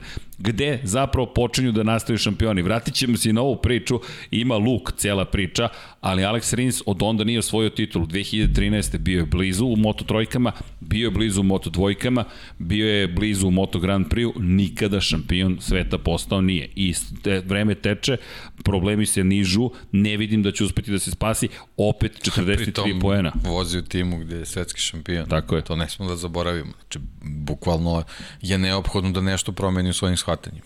Nije, nije strašno biti peti, šesti, ali biti stalno na ivici nekih bodova ili ih ne osvajati, to je onako stvarno za, za motocikl koji vozi svetski šampion Pa ne iz tvog ugla je neprihvatljivo. Neprihvatljivo je, prosto ti kada pogledaš Mira, Mir, čovjek je četvrti u šampionatu sveta, to je ono što smo rekli pred početak godine, jedini koji i dalje stojim pri tome, koji mi djeluje da će biti toliko konstantan, jeste Joan Mir. E sad, Francesco Banja je pokazao da može da bude konstantan, videli smo da Fabio Quartararo takođe može da bude konstantan, ok, ovo je incident, nadamo Da se da... Morbidelli dalje može da bude dobar osim na stazama Tako je. koje su onako ekstremno brze, To, to Mugello će tu Tako verovatno je. biti najveći problem za, za, za, za, za Morbidelija. mada ni, ne, ne Ko zna, ne ej znam, vidi, da, vidi, pa da. Ramon Forcada, da se vratimo na, izjavu, na izjavu Morbidelijevu, no idemo dalje, imamo još Neki mnogo. čarobni štapić postoji. I znaš da je čarobni štapić? Kod Aprilije, dva puta za redom je na poziciji broj 6, sad je čak mogao da bude četvrti. Jeste malo grožđe kiselo, na kvartararu mi je zasmetao, ali Aleš Djeluje mi iskreno da je u trenutku rekao ne, ne smijem da napad- napadnem, ne smijem da ispustim moje pojene i to je pohvalno. To je pre pohvalno nego što nije. Zašto? Pa on ima 35 bodova i sedmi u šampionatu sveta. Ispred njega Pa, su... eto sad, sad uporedi njegovu filozofiju i Rinsovu filozofiju. Eto ti. To, to, samo, samo uporedi prema broju bodova i ništa više ne moraš da, da spominješ. Velika razlika. 12 poena razlike, što nije malo ako ste na fabričkom Suzuki i na fabričkoj Aprili. To je potpuno drugi svet, pri čemu je tu fab, taj fabrički Suzuki napustio Aleš Espargaro nezadovoljen tretmanom koji imao i lepo ovaj projekat se razvija i napreduje, čekamo, čekamo taj test. Da li je, da li je ovaj, du, sad sam teo da spomenem, da li je on umešao malo prst u ovom rezultatu vezano za njegov test? Ne to, znamo. To ne znamo, ali, ali bi bilo lepo da jeste. Ali pazi, on je loš bi ga onda, onda bi ga možda ovo ohrabrilo da, da razmišlja o sledećoj sezoni. Ali Deki, on je loš završio na poziciji broj 6. Šta ne, je tu loše super, zato, zato što tu već ambicije se menjaju, to je ono, je. To je ono što je bitno. A I, najvažnija stvar što su u, u nekoj sličnoj situaciji kao što je KTM bio prošle godine. Mm, fe, ja sam oduševljen i dalje aprilijom. Otvoreno navijam da, evo, može, podrška za zelene. na neki način su obeleženi zelenom bojom ali, ali zaista bih volio da ih vidi na pobedničkom postoju. Kako na Kagami je tako, kao Miller što je sada zabeležio pobedu. Da, na jedan specifičan način, ali opet to je pobeda, to tako mnogo znači. I naravno dolazimo do sedme pozicije koje smo spomenuli, Maverick Vinales, još jedna trka za, za manje više zaborav, s obzirom na njegove ambicije, s obzirom na motocikl koji ima, koji smo videli da može da bude dominantan na ovoj stazi, baš previše problema i sličnih priča koje smo već čuli za koje ne znam kako mogu da se reše. Prosto opet isto kao sa Rinsom, hoćemo li videti rešenje? Pa da, evo, možda, možda je on ovaj, uspeo da, da, da vidi u čemu je problem, ovaj, stoji nešto krugova je vozio sledećeg, da, dana, dana. Znači, ili ljut na sebe ili jednostavno shvatio da mora mnogo je... više da radi, ali je priznao. Tražio je zašto je Fabio Quartararo toliko bolje na kočenju od njega. Znači, ključna stvar vezana za, za Fabio nastup u, ovaj, u, u Jerezu, a verovatno i glavni razlog zašto se to desilo s rukom. Šta se desilo je njegovo perfektno kočenje ovaj, u krugu Hereza koje je jednostavno ovaj, Vinjales nije uspeo da isprati. I bukvalno je ogromnu količinu vremena na svom testiranju u ponedeljak potrošio na tome da nauči, da sazna uh, zašto je Fabio toliko bolje na kočenju na tim mestima. Ako je uspeo, eto, nadamo se da ćemo, da ćemo neki napredak imati već na sledećoj trci. Ako pogledaš, ako se vratiš na na 2019. godinu, debitansku sezonu Fabio Quartarara, šta smo i tada imali? Imali smo čoveka koji juri stil Jorge Lorenza, imali smo čoveka koji je na kočenju bio toliko dobar i opet se vrtimo u krug, ali ono što je promenio ove godine Quartararo jeste njegov psihički prosto njegov stav i rad na sebi na psihičkom nivou prevashodno i način na koji pristupa trkama i to se videlo. I okej, okay, nadam se da je Vinjales najzad našao rešenje, ali deki... Ne znam, ako se sećaš puta... prošle godine trku u Jerezu, kako ga je e, Fabio slomio na, na poslednjoj krivini. Jeste. Na izlasku na. Izlasku, da. tako On ga je, tu ga je prelomio, bukvalno. Bukvalno. Da. Ovaj, tako da, eto, prvo pohvale za, za, za Maverika za, za taj trud na, na, na testiranju, eto, ja stvarno bih voleo da, da, da nekako to urodi plodom, ali da to ne bude neka, neka jednokratna stvar, nego da znači, jednostavno ja biti... nešto donese ovaj, pozitivno, ili stvarno bi bilo poražavajuće da, da, da se Fabio kao rekonvalescent vrati na sledeću trku i da bude bolji od, od Maverika. To da bi onako stvarno bi ga slomilo ja dodatno. Biti neverni Toma, ali prošle godine u Mizanu, posle trke u Mizanu broj 2, evo me, vratio sam se, test, Ma jedna trka super. nije dovoljna, jedna trka, jedno, to, to se vidi posebno sad, rekao sam već kad imamo ovakav karavan dobrih vozača, jedna, dve, tri pobjede, to apsolutno ne znači ništa, nisu, nisu samo pobjede bitne, bitna je ta neka konstantna, znači pobjeda pa 11. mesto, to ne znači ništa, to ta, ta pobjeda se apsolutno potire. Kad sabereš bodu i podeliš na dva, nema, te pobjede nema ništa u ovom slučaju čak ni ta sedma pozicija, ali dobro, tu je i dobro, dalje. Tu je, drži pozicije, se, tako drži je, se, tako je. Drži se. Eto, to je, to je ne, nešto pozitivno za njega, ali dugoročno to ne znači ništa. Znaš ko mislim da je podbacio? Jean Zarko.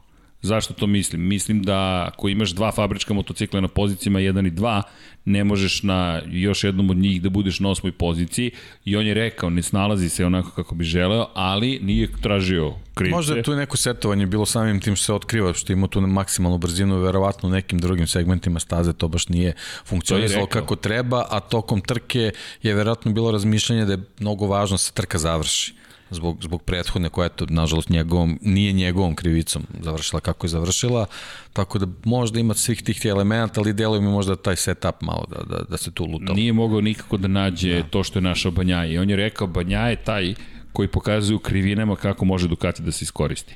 Ali nije znao kako to da učini. Na kraju Jack Miller ispred čovjek koji je najbolje iskoristio Ducati. Sve čestitke. Da ispred ali... da je Jack anomalija.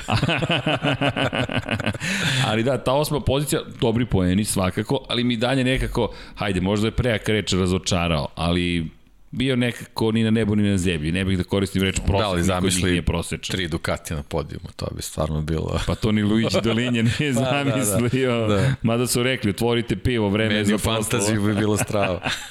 e da, kako si prošao u fantaziju? Pa bez veze i dalje. Ne, imao sam tu neke promene vozača, mislim Ducati mi dalje kao tim, pa kao ajde, ovo pa je ispalo super. Kaže ali ja sa mojim promenama vozača katastrofa. Meni je Banjaja bio na, na srebrni Meni vozač. Meni su Quartararo i Rins i dalje tu, ne pričaš. mogu da ih zamenim nikako. Zarko i Banjaja su mi srebrni, a zlatni su mi vinjali. Zarka nisam imao, pazi, sve vreme pričam o njemu, nisam ga stavio, od, od početka mi nijednom nije bio. Ma ja idem na duge staze, znaš. Da, u stvari, to... da, i, Bastianini mi je bio kao četvrti vozač, što je drugi srebrni, eto i on je, ovaj...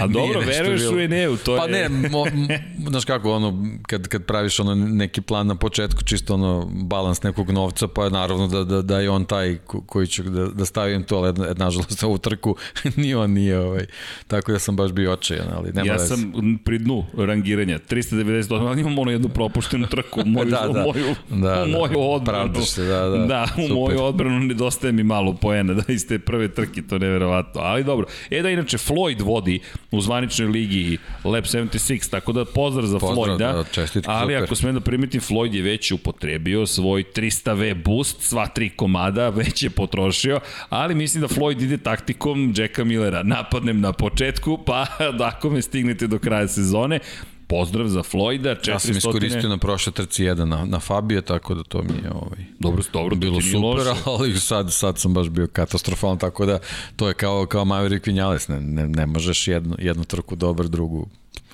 ne ide, ne ide. Znaš kako, moj poslednji GP 91 poen Nije loše mm, bez da. boostova, ali dobro. Čekaj, polako, Sercek se vraća u igru uskoro, ali dobro. Da, igrajte se, evo stavit ćemo vam mi koja je liga, zvanična liga, pa ko se još nije ubacio u celu priču, Vanja, dodaću ovde na Infinity Lighthouse, dakle, stavite lepo svoj tim, izaberite, ako se kasno uključujete, pa ništa, pravilite se kao i ja, recite, ma da sam ušao na vreme, sad bih bio na poziciji broj 1. Je to sam planski izveo, znaš, propustim prvu trku, onda mogu cele godine da govorim, Pa, samo zbog toga nisam tu gde bi inače bio. Ali da, ej, nisam izgovorio šalu na stranu, makar ja još mislim da nisam izgovorio. Opa, ovo je novi rekord, prošlo je 60 i prošlo je 60. Ceo sat je prošao bez šale na stranu. Dobro, napredujem, napredujem po, kada je reč o uzrečicama i poštapalicama, mogu da se samo pohvalim, ali dobro. Elem, čekaj, ceo sat je prošao i mi smo još uvijek na poziciji broj 7, pa ne nedostaje mi je potrebno. Pa dobro, idemo po ekipama, da. Da, idemo malo, da. pa dobro, pričali smo i o Hondi, to smo isto obradili kada je reč o Zarku i dalje može biti zadovoljno u šampionatu, on je na 18 pa, kažem, pojena da, da, od, od. Bilo, bilo je bitno da se završe ova trka. Pazi, Da. U 3 poena, izvini. Vinjales, Mir, Zarko. Eto da nije bilo tog tehničkog problema u na Portugalu. Trci, možda bi sada bi bilo, bio da. na prvom mestu čak. Ili bi bio isti kao Kvartararo na 64 boda. I to će isto biti zanimljivo. Kome, koliko, A, ide, kome će motor više trajati. ide isto njegova trka. Francuska na Ducatiju, da. pazi. Da. Koji, ako bi negde morao da budeš favorit, onda je to jednostavno Francuska, Ducatiju to zaista odgovara. Prepustit će on ulogu favorita, favorita drugima, to, to sam siguran, ali, ali da. da li će biti naoštren? Da. Tako da, apsolutno ne sumnjam u, u njegovo ponovo neko maksimalno Izvini, izdanje. Da. Ko je prošle godine pobedio? Godine ne znaš kako, Petrući. činjenica je, činjenica da ako gledamo, ne, ne vezano za zimske testove, ako gledamo sezonu, najbrži motocikl, to je motocikl koji razvija najveću maksimalnu brzinu je njegov Ducati, tako da... Da, od početka godine to, to, to ponekad to. se pojavi Jack Miller u toj celoj priči, ali ok, sledeće nedelje ćemo najaviti naravno sve ono što nas čeka u, u Francuskoj, u Le Manu, međutim kada pričamo o, o, o pobedniku, prosto ne možemo da, da, da, da se ne podsjetimo toga da smo videli prosto kako jedan vozač Ducatija slavi pobedu i to ne malu pobedu. Danilo Petrući zaista zabeležio veliku pobedu. Jeste, po kiši, bilo je zahtevno, ali bez obzira na sve to, to je i dalje pobeda za ekipu Ducatija. Tako da, to će da bude vrlo interesantno. U svakom slučaju idemo mi dalje, a dalje, gde ćemo dalje? Pa kada govorimo o, o plasmanu, ajmo, u šampionatu sveta, manje više smo sve pokrvi. Koga nismo spomenuli ni jednog trenutka? Ima jedna fabrika o kojoj nismo reč progovorili. Reč, bukvalno. KTM. Deki, rekli smo pred dolazak u Jerez i podsjetili na reči Petera Boma. Ukoliko ste brzi u Herezu i zabeležite dobar rezultat, bit ćete brzi i još tokom godine na drugim mestima.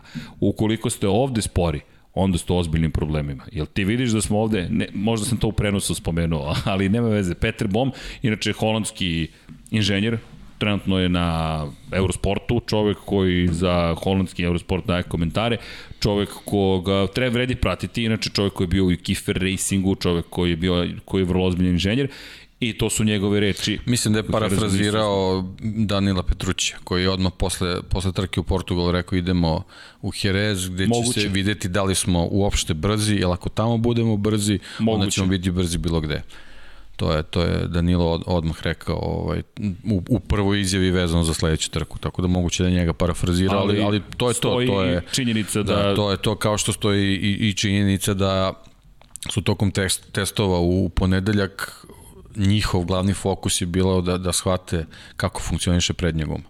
Znači, to je očigledno taj najveći, najveći problem, jer ovaj, šta, ovaj, um, Miš... Uh, sam, samo sekunda. Mišeli? Uh, ne, ne, nego sam hteo, hteo da kažem, Brad Binder je ovaj, uh, bio u velikim problemima vezano za, za, za padove tokom trke, ovaj, jednostavno u, u, u velikom broju slučajeva, ne samo u, u Herezu, nego i na prethodnim trkama, o, nije mogu uopšte da shvati šta se desilo, zašto je, zašto je izgubio prednji kraj. Tako da, ovaj, očigledno da, da postoje tu veliki problemi, posebno sa, sa mekim gumama, ovaj, a, a dolaze staze gde će zbog, zbog i temperatura i same konfiguracije verovatno, verovatno te meke gume biti ovaj glavni izbor i mislim da je to u stvari glavna, glavna glavobolja. E sad navodno posle testova bili su zadovoljni rezultatima, kao navodno su ovaj, razumeli u čemu je problem, pa ćemo videti to, to sad na osnovu priča nikako ne možemo ni da zaključimo, već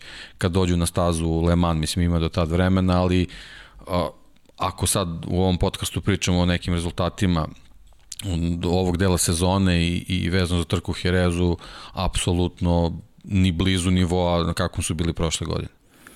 Mi kada pričamo o gumama, pričali smo o tome da je Michelin najavio rekorde i rekli su da će to raditi iz trke u trku, međutim, šta su radili specifično za veliku nagradu Španije i to je krajnje interesantno. Piero Taramaso je neko ko je navodno dao odgovor u direktnom prenosu za MotoGP.com, tako da to je nešto što pokušam da nađem u kom momentu, u kojoj minuti je to izgovorio. Postavio sam pitanje Michelinu, I odgovor je bio poslušaj šta je rekao Pjera Taramasa u prenosu na globalnom MotoGP.com. Rekao, ok, poslušat ću ga. Ali pitanje je bilo sledeće koje sam postavio i to na osnovu onoga što je Pole Spargaro izjavio, a to je zašto su doneli gume koje su pozadi mekše, ok, niže su temperature, tako da prošlogodišnja srednje tvrda guma je postala tvrda, prošlogodišnja meka guma je postala srednje tvrda ove godine i guma koja ni nije bila na raspolaganju prošle sezone je doneta mekša za jednu, jedan stepen mekša u prednosu na prethodnu sezonu kao meka zadnja guma. Sve su asimetrične, leva strana gume je mekša. Napred su zanimljivo, su doneli tvrđe nego što su koristili prošle godine pri 60 stepeni Celzijusa. Zašto je Michelin, Michelin to učinio? I Pole Spargaro je rekao, ja ovo ne razumem. Ja ne razumem zašto donosite tvrđu gumu. Niko praktično nije koristio tvrdu prednju gumu. Ta guma se nije, ni, nije se pojavila nigde, srednje tvrda ili meka. Kada ti prove, kada provedeš ceo vikend, inače pohvale za Michelin, oni 1200 guma pripremljene za svaku trku, ali meni to čudan izbor pneumatika. Ne, ne kažem da postoji nešto skriveno iza toga, ali prosto mislim da je neka greška napravljena u celoj toj priči, jer ti odjednom imaš vozača koji koriste samo meku i samo srednje tvrdu gumu. A jedina asimetrična prednja je bila tvrda guma koju praktično niko nije koristio. Ne znam, meni, meni u tim nekim situacijama apsolutno nije jasno da se, da se ne slučaju ovaj, preporuke ekipa. To mi je onako malo malo čudno na kraju krajeva poenta je da se donesu dobre performanse za, za sve timove. Dakle, da se nađe neki dobar balans, ne, ne, neka sredina ovako, da imamo neke ekstremno dobre rezultate, s druge strane neke katastrofalne, a da a da zaključak zajednički bude da je to vezano za gume, malo mi je onako čudno, ali jednostavno ne znam šta može da se desi da se to promeni. Ja, ja čisto sumnjam. Kao, kao u Formuli 1 kad imaš neke najave gde Pirelli bude taj koji ovaj određuje ovaj ko, koji, koji profili pneumatika će da, da, da se donesu i on mislim da si ti u prenosu rekao da jednostavno kad pogledamo ono njihovu grafiku, onih preporuka strategije da, da se redko ko toga uopšte pridržava. Ne, za Formula 1 ja meni su ono šokantni Ja uopšte ne kapiram iskreno. onda čemu, čemu uopšte ta, ta, ta komunikacija na, na, na taj način. Pa, ali meni je Mislim zaista... da je mnogo bolje praviti neku lutriju, znaš, doneseš neke gume pa, pa izlačiš bingo, pa koje, koje komplete do, doneseš, onda prema, dobiješ prema tome, onda praviš taktiku za trku. Vidi, Mišelino je jednostavnije, ne mora da daje nikakve preporuke. E, znaš šta nismo dobili? Šta sam Mišelino tražio? Tražio sam im da nam daju pred svako veče zapravo koje su gume vozači izabrali sledeći pa, dan. Neće da mi daju da uporno, da, da, ali da. rekli su mi pa Postav bi najpraćeniji ovaj, na, na, na svim no, mrežama. Moje da pitam, znaš. Da. Bio bi super drug sa svim inženjerima u ekipama. Bilo bi, javite se Sercegu, ali onda da. prodajemo majice, Lab 76 International Edition. To bismo morali da počnemo da radimo. Pa nešto ćemo, da, po tom pitanju ne bi bilo laš. Da, ali da, da. Pa, pa, pa vidi, moje bilo da pitam. Ali taj, to ne, to ne sigurno. Ali znaš šta mi najlepše u toj grupi koji se svi novinari i komentatori dopisuju, što postojiš pitanje i muk, niko se ne oglašava, svi čekaju, hoće li sad ovaj odgovoriti s druge strane, razumeš, nemoj da uznemiravamo talase i odgovora nije bilo.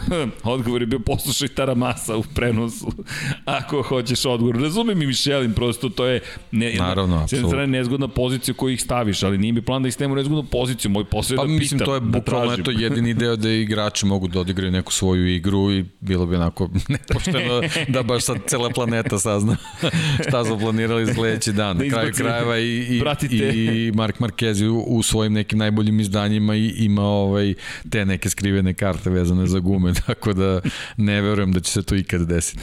Da Ali ta dobro. transparentnost nastane, to Ali dobro, vredelo je pitati. Apsolutno. I tako, dobro.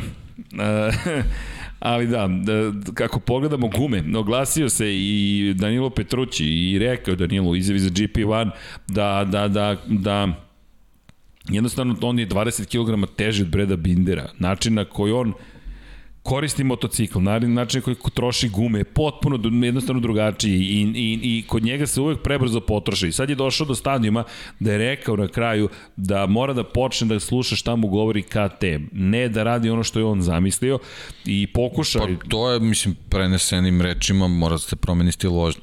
Da. svaki vozač e, ovaj potencira kada promeni ekipu i kad sedne na, na drugi motocikl. Jednostavno ne možeš, ne, ne, ne postoji mogućnost da ti neki stil koji si koristio nekoliko godina na, na, na jednom profilu motocikla, na jednoj, na jednoj filozofiji vožnje, tvrdoglavo pokušavaš da primeniš na drugom. To jednostavno nije, nije moguće posebno ako, ako pričamo eto, o, o toj konstituciji, ako je taj motocikl pripremao dani pred Rosa, apsolutno je jasno da Danilo Petroći mora nešto da prilagodi, ako misli pa ne može da, da smrša čovjek. Jel, mislim, ti moraš da se prilagodiš tom motociklu da bi, da bi u, jednoj trenutku, u jednom trenutku, u jednoj tački mogao da, da to vraćaš na svoju stranu i da ga usmeravaš ka sebi, ali moraš da shvatiš šta taj motocikl može. Da bi to uradio, moraš delimično da promeniš stil vožnje. Tako da, da zanimljivo, ako se sećaš da. predsezone, on je izjavio izjavio da zapravo oni Pedrosa imaju slične, slične razmišljanja o tome šta je potrebno Sve je okej, okay, ali jednostavno ali niste isti balast, balast nije baš isti. Da, Daj, da. to je, to je, ovaj, to je Binder priča, on jednostavno, on, on, on o, potencira i ubeđuje da je zaista tako, o, da oni nemaju apsolutno nikakav problem vezano za, za balansom, vezan za balans motocikla i, i određene elemente. Znači, bukvalno je priča kompletna, kako je on rekao, je igra oko prednje gume, viljuške, podešavanje, to je bukvalno nešto što im treba da bi, da bi to funkcionisalo mnogo bolje. E sad, da li to zaista samo tako? Mislim, činjenica je da su svi vozači KTM-a loši ove sezone, znači ne, nema, bukvalno nema nekih drastičnih odstupanja, tako da moguće da postoji jedan, jedan ovaj problem koji ako se reši da ćemo videti sve u, u nekom boljem izdanju.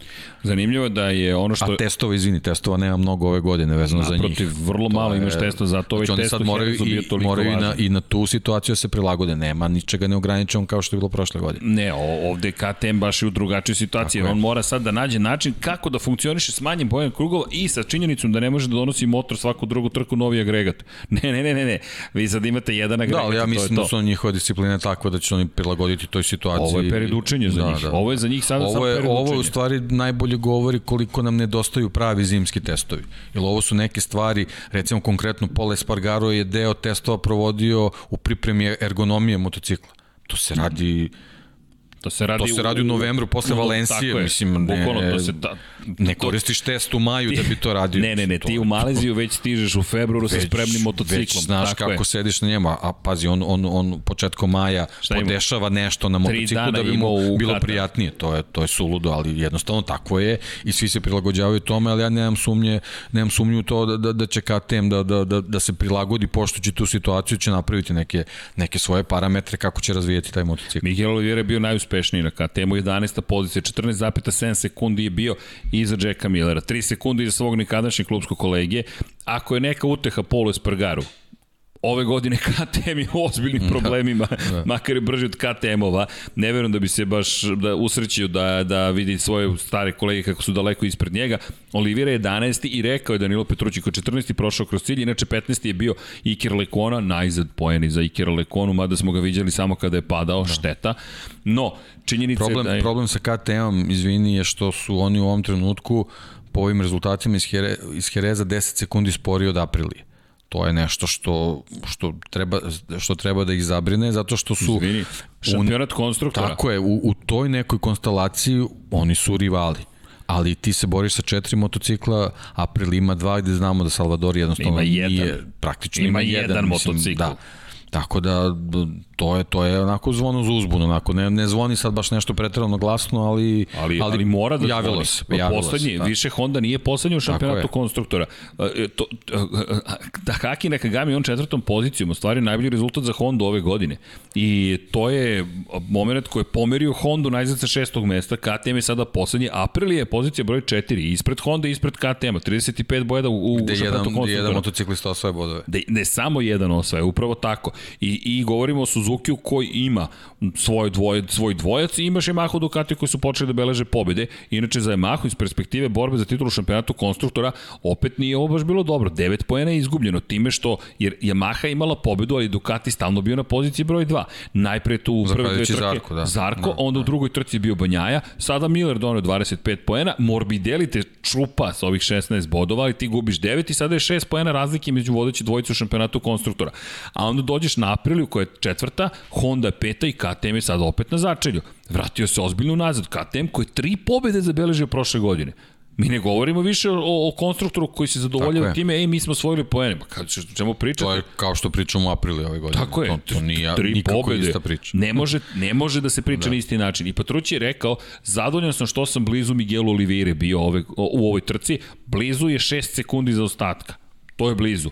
I onda ja je rekao isto tako da, da nije zadovoljan što E je sad blizu ide, ostalih ide. Le Mans, znamo prošle godine da smo imali njegovo super izdanje tamo. Voli tamo da Lepo vozi. se osjeća, sad je. ćemo da vidimo da li na stazi gde se dobro osjeća možda može da, da shvati šta je problem, zašto se ne osjeća dobro na, na KTM-u. Pa eto, to možda može da bude neki korak napred iza njih. Znaš šta nisam spomenuo i takođe 60 minuta? Nisam spomenuo šalu na stranu prvih 60 minuta, 61 minutu. Znaš šta nisam spomenuo? Ko je s koga nisam spomenuo? Valentina Rosija nisam spomenuo od kada smo započeli ovaj podcast. Valentino Rossi, koji je oličenje Moto Grand Prix-a, koji je učinio za Moto Grand Prix više nego bilo ko u istoriji. Evo je Kaciga ovde čuvena. Jednog dana bit će podeljena. Ja se nadam kad prođe. E, vala, COVID, znajte da je prošao kad podelimo ovu Kacigu. Šest godina, pet se mota kod mene. Te jedno takmičenje, te drugo. Te jedni advokati, te treći, te peti, te osmi. Pa makar znate gde je. Dakle, nisam je uzeo. Neko mi si uzeo, ma nisam uzeo. I ne znam koliko prijatelja me zvalo. Kaže, Ercik, daj mi kacigu. Ne može. Kaciga će dode nekom od gledalaca. Kako? Nemam pojma. Kad, kad prođe... Kompaktna je, poboljšana je bezbednost, poboljšana je preglednost, poboljšana je aerodinamika, sve je... Fantastična je sad je pista već neka, GPR. neka nova generacija Pazi, došla dok je ona tu. Potpis se skorio, ne treba vam ni lak gore, više nemoguće skinuti potpis Valentina Rosija, ali pripašće nekome od vas. Ono što smo isplanirali jeste da ćemo napraviti jedan lepi ovde duel, kviz zapravo, pa ćemo kad Vanja uvede taster ko je brži, pa ćete da odgovarate na pitanja i nema na sreću. Na sreću, opa, neko mi šalje poruke, vidim, a to je moj brat iz Čilea. Pozdrav za Batu, juče je bilo i njemu uzbudljivo u dalekom Čileu, makar iz naše perspektive, ali prošao je COVID, dakle, kada podelimo kacigu otprilike. Valentino Rossi, deki, Nemo, s jedne strane, da ne spomeneš, s obzirom na činjenicu koliko je bila loša trka. S druge strane, ne može da se ne spomene. Ovo je možda i jedan od najvažnijih momenta u njegovoj karijeri. Evo re, rezultata. Ljudi, to je 1.39.7, 39.3, 39.0, 38.8. 39.3, 4, to, je, to, to su ključni krugovi. Nemaš ni jedan blizu da, granice da. 38 to nije problem, to je katastrofa bukvalno. Ti mi govorimo ovde o katastrofi za Valentina Rosija. Jednostavno, to je neprihvatljivo. Iz perspektive onoga što on donosi, to je neprihvatljivo. I on je toga svestan, nije on nigde ni bežao. Ono što je pozitivno, ako možemo pričamo o ovom vikendu, jeste taj sutrašnji test koji imao, to je sada već bilo pre tri dana u ponedeljak, gde je rekao, juče je bilo tmurno, ali eto nešto se desilo. E sad to nešto Bilo se je desilo. Bilo je i osmeh, tako je rekao. da, rekao, čak se pojavio i osmeh. A, to je, to je baš onako... Nije laka izjava. Da nije laka izjava. Bez obzira kako posmatrali stvari, to nije laka izjava za Valentino Rossi. Ono što je njegov poseban problem, ljudi on nikada brže u svojoj karijeri nije vozio u Herezu. 1.38.2.2.2 je vozio u jutarnjem treningu u zvani, tokom zvaničnog testa. 1.38.222. Mi ako se vratimo na Rosija u, na primjer, evo, 2016. godini, kada je zabeležio poslednju pobedu ovde, dakle, mi govorimo o tom istom Valentinu Rosiju, govorimo o toj istoj stazi, manje više istom periodu godine, Pobedio je, 45 minuta 28 sekundi je trajala ta trka, ali mislim da je tada bilo još uvijek 27 krugova u to vreme, bilo još dva kruga više. Nego, u kvalifikacijama, pol pozicija Valentino Rossi, 1.38, 7.36 sekund sporije nego što je Quartararo vozio u trci ove godine. Ako odemo sezone dalje, 2019. odemo i kažemo kako je vozio u na stazi Angel Nieto u kvalifikacijama, Valentino Rossi, evo, nije, ni 2019. nije bio, u Q1 je završio takmičenje, vozio je 1.37.371 u kvalifikacijama, ali ako odemo na trku i pogledamo gde je bio Rossi, bio na šestoj poziciji, 7,5 sekundi iza pobednika, najbrži krug za Valentina Rosija 1.38.372.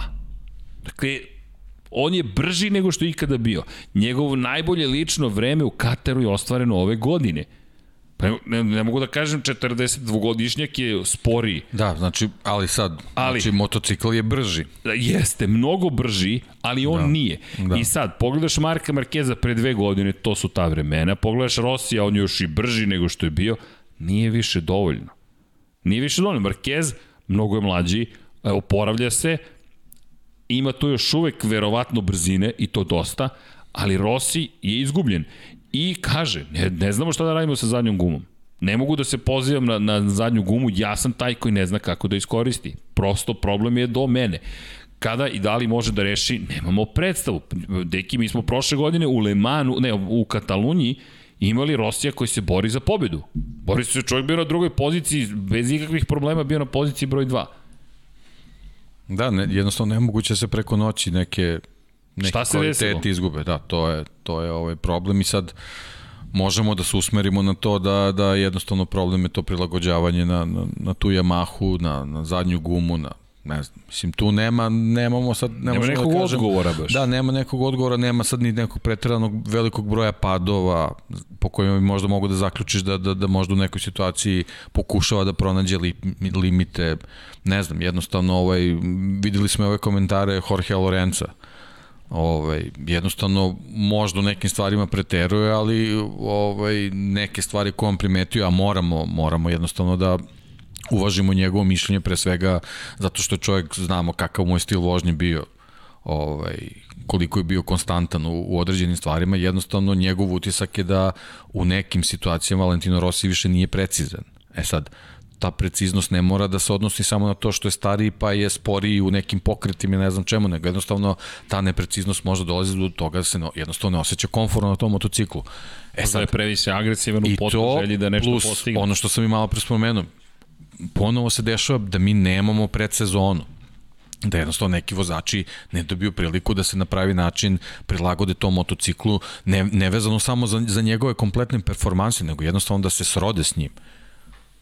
E sad, zbog svega onoga što je vezano za Valentina Rozija, njegovu gomilu obaveza vezanih za, za, za neke njegove druge poslove, vezano za njegove godine i tako dalje, motivaciju, šta god, jednostavno to, to je neki problem koji, koji se pre svega oslikava u tim rezultatima kruga, koji jednostavno nisu dovoljno dobri, a konstantan za ostatak od 20 sekundi za pobednikom, to je znači malte ne sekunda po krugu u svakoj trci, to je, to je zaista previše. Deki, četiri poena posle četiri trke. To je prosek od jednog poena Tako po trci. Jedini koji imaju manje poena od Valentina Rosija su Iker Lekona i Lorenzo Savadori. Po dva poena svaki. Njegov rođeni brat, polu brat, imaju istu majku. Luka Marini ima četiri boda. Luka je tek stigao u Moto Grand Prix, vozi motocikl star dve godine. Rossi prosto ne nalazi nikakvo rešenje. Ne, po, ne, ne postoji rešenje, još je na prethodnoj trci izleteo sa staze, čovek koji je bio toliko precizan da nije bilo razmišljanja o padovima. Mi sada ne pričamo više o borbi za pobede, ne pričamo o borbi za pobednička postolja, ne pričamo o tome da je među vodećih pet ili šest, ne pričamo o vodećih deset, mi sad pričamo hoće li osvojiti poen. Nešto mora da se menja. K kako god nešto mora da se menja, jer na ovaj način sebe dovodi zaista u nezahvalnu poziciju. Koliko god bih, i sam rekao da, da mi je sebično i, i drago što je ostao u Moto Grand Prix-u, sada već ovo postaje baš jedna potencijalna srce onaj, onaj priča. Pad, onaj pad u Barceloni, kad je bila da. prilika za da. vrhunski rezultat i, i onda ona korona COVID. i pauza, posle toga Ni isti čovek bio. Apsolutno ni isti čovek. Ni isti čovek, jer ti ako pogledaš prethodnu sezonu, 199. pobedničko postavljanje na ovom mestu. Da, bilo je dva odustajanja, ali opet bio bi peti. Ove godine da je peti, ja mislim da tu niko ne bi bio nezadovoljno. Konačno svetski šampion Joan Mir je peti prošao kroz cilj. Rossi nije na tom nivou. E, čudna jedna, teška priča, ali ajde, verujemo u magiju Moto Grand Prix. Pa verujemo konačno doktor, verujemo u to velike šampione. Čekamo Marquez da se oporavi, čekamo Valentino Rossi da otkrije tu neku formu. Da to su to su legende ovoga sporta grade se neke nove legende, stiže i njihovo vreme, stiže i njihovo vreme u našem podcastu, ali, ali kada pogledamo Moto Grand Prix, zaista Rosijeva priča pa je... Jeste, ali ono što, što već potenciramo neko vreme u njegovu odbranu sad je, sad je došlo stvarno e, nezgodno vreme za veterane. Yes. I možemo da nabrajamo. Kreni, yes, kreni po, po, po, po fabrikama. Miller, Banjaja, Zarko su vozači koji konkurišu za pobede i titulu. Apsolutno da. Da. Uh, Rins, Mir, vozači koji konkurišu za pobedu i za titulu. I Rins je sezone, i dalje da, u konkurenciji. Apsolutno. Yamaha, Quartararo, Vinjales, Morbidelli. Znači, to je već šampion. osam vozača. Znači, on već treba sa osmoricom vozača da, da se bori. Mnogo mlađih. Tako je, mnogo mlađih koji imaju konkurentne motocikle. To je ono što smo pričali. Ovo više nije šampionat da imaš 4-5 konkurentnih motocikala i 4-5 konkurentnih vozača među kojima je bio i on. Ti imaš 10 vozača s kojim on, kako stane na stazu, mora, mora da se bori. To uopšte nije jednostavan zadatak ako si u tim godinama i ako imaš te probleme koje, koje imaš vezano za, za, za prilagođavanje na motociklu.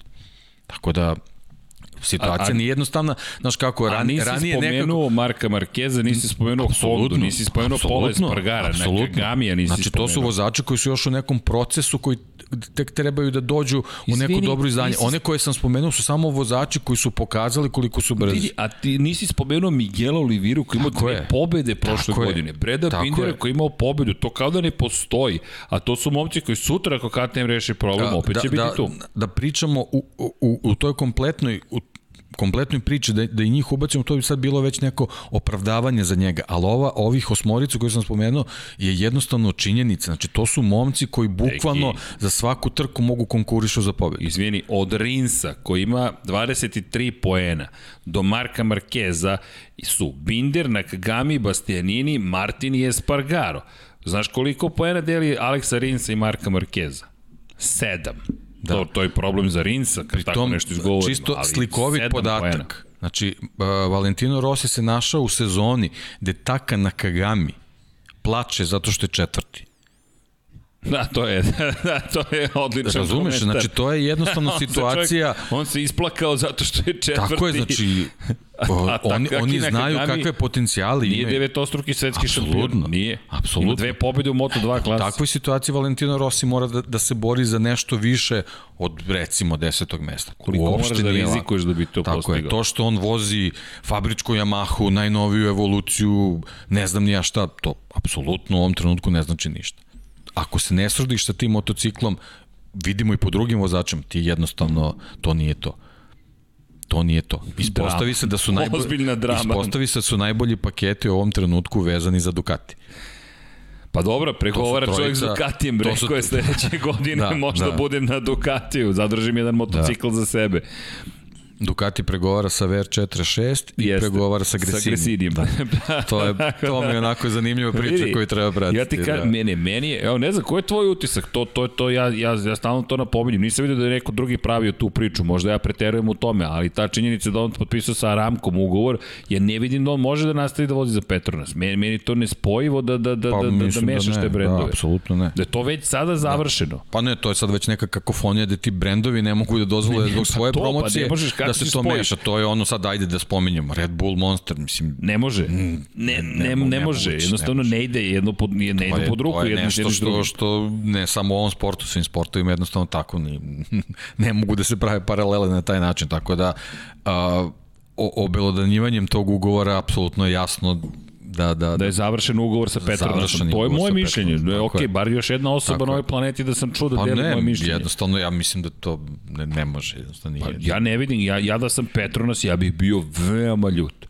Iskreno, ja bih bio veoma ljut na poziciji Razvan Razalija. Zašto?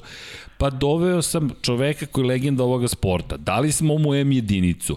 Dali smo mu ugovor na godinu Platili dana. smo. Platili Tako ispadne smo. po priči Tako je, po prema, prema ovaj Morbideliju, ispadne da je i, i Rosijeva je jedinica Sad dobijemo za uzvrat potencijalnog čoveka, čoveka koji potencijalno ide na visoke pozicije, a koji budu imali sreće, zamisli Petronas sa 200 peharom u Moto Grand Prix kategoriji i, i Rosijem. Možda i poslednjim znači, posledom. ja sad tako mogu da razmišljam o toj priči. Sedimo na sastanku i pričamo, kažemo, evo mi, mi imamo novca, izvade svoje parice onako iz džepova, sve što imaju, kaže, evo imamo pare za jednu M jedinicu i imamo pare Za Rosija. za jedan, za jedan stari motocikl. A onda Yamaha kaže, da, ali za M jedinicu morate Rosiju da date. To je baš onako nezgodna priča vezana za Pa da, Petronas, ali- ali- koju su oni verovatno u prvom, prvom Ali- trenutku rekli, ok, Rosija ipak od Ali, nas sve u ali si ti zato uveo, šta si uveo? Uveo si sedmu, sedmu brzinu. Njima se zove sedma brzina njihov fan club. Da. Klub obožavalaca Valentina Rosija i Petronasa i ne znam, 150 evra mislim da je učlanjenje godišnje.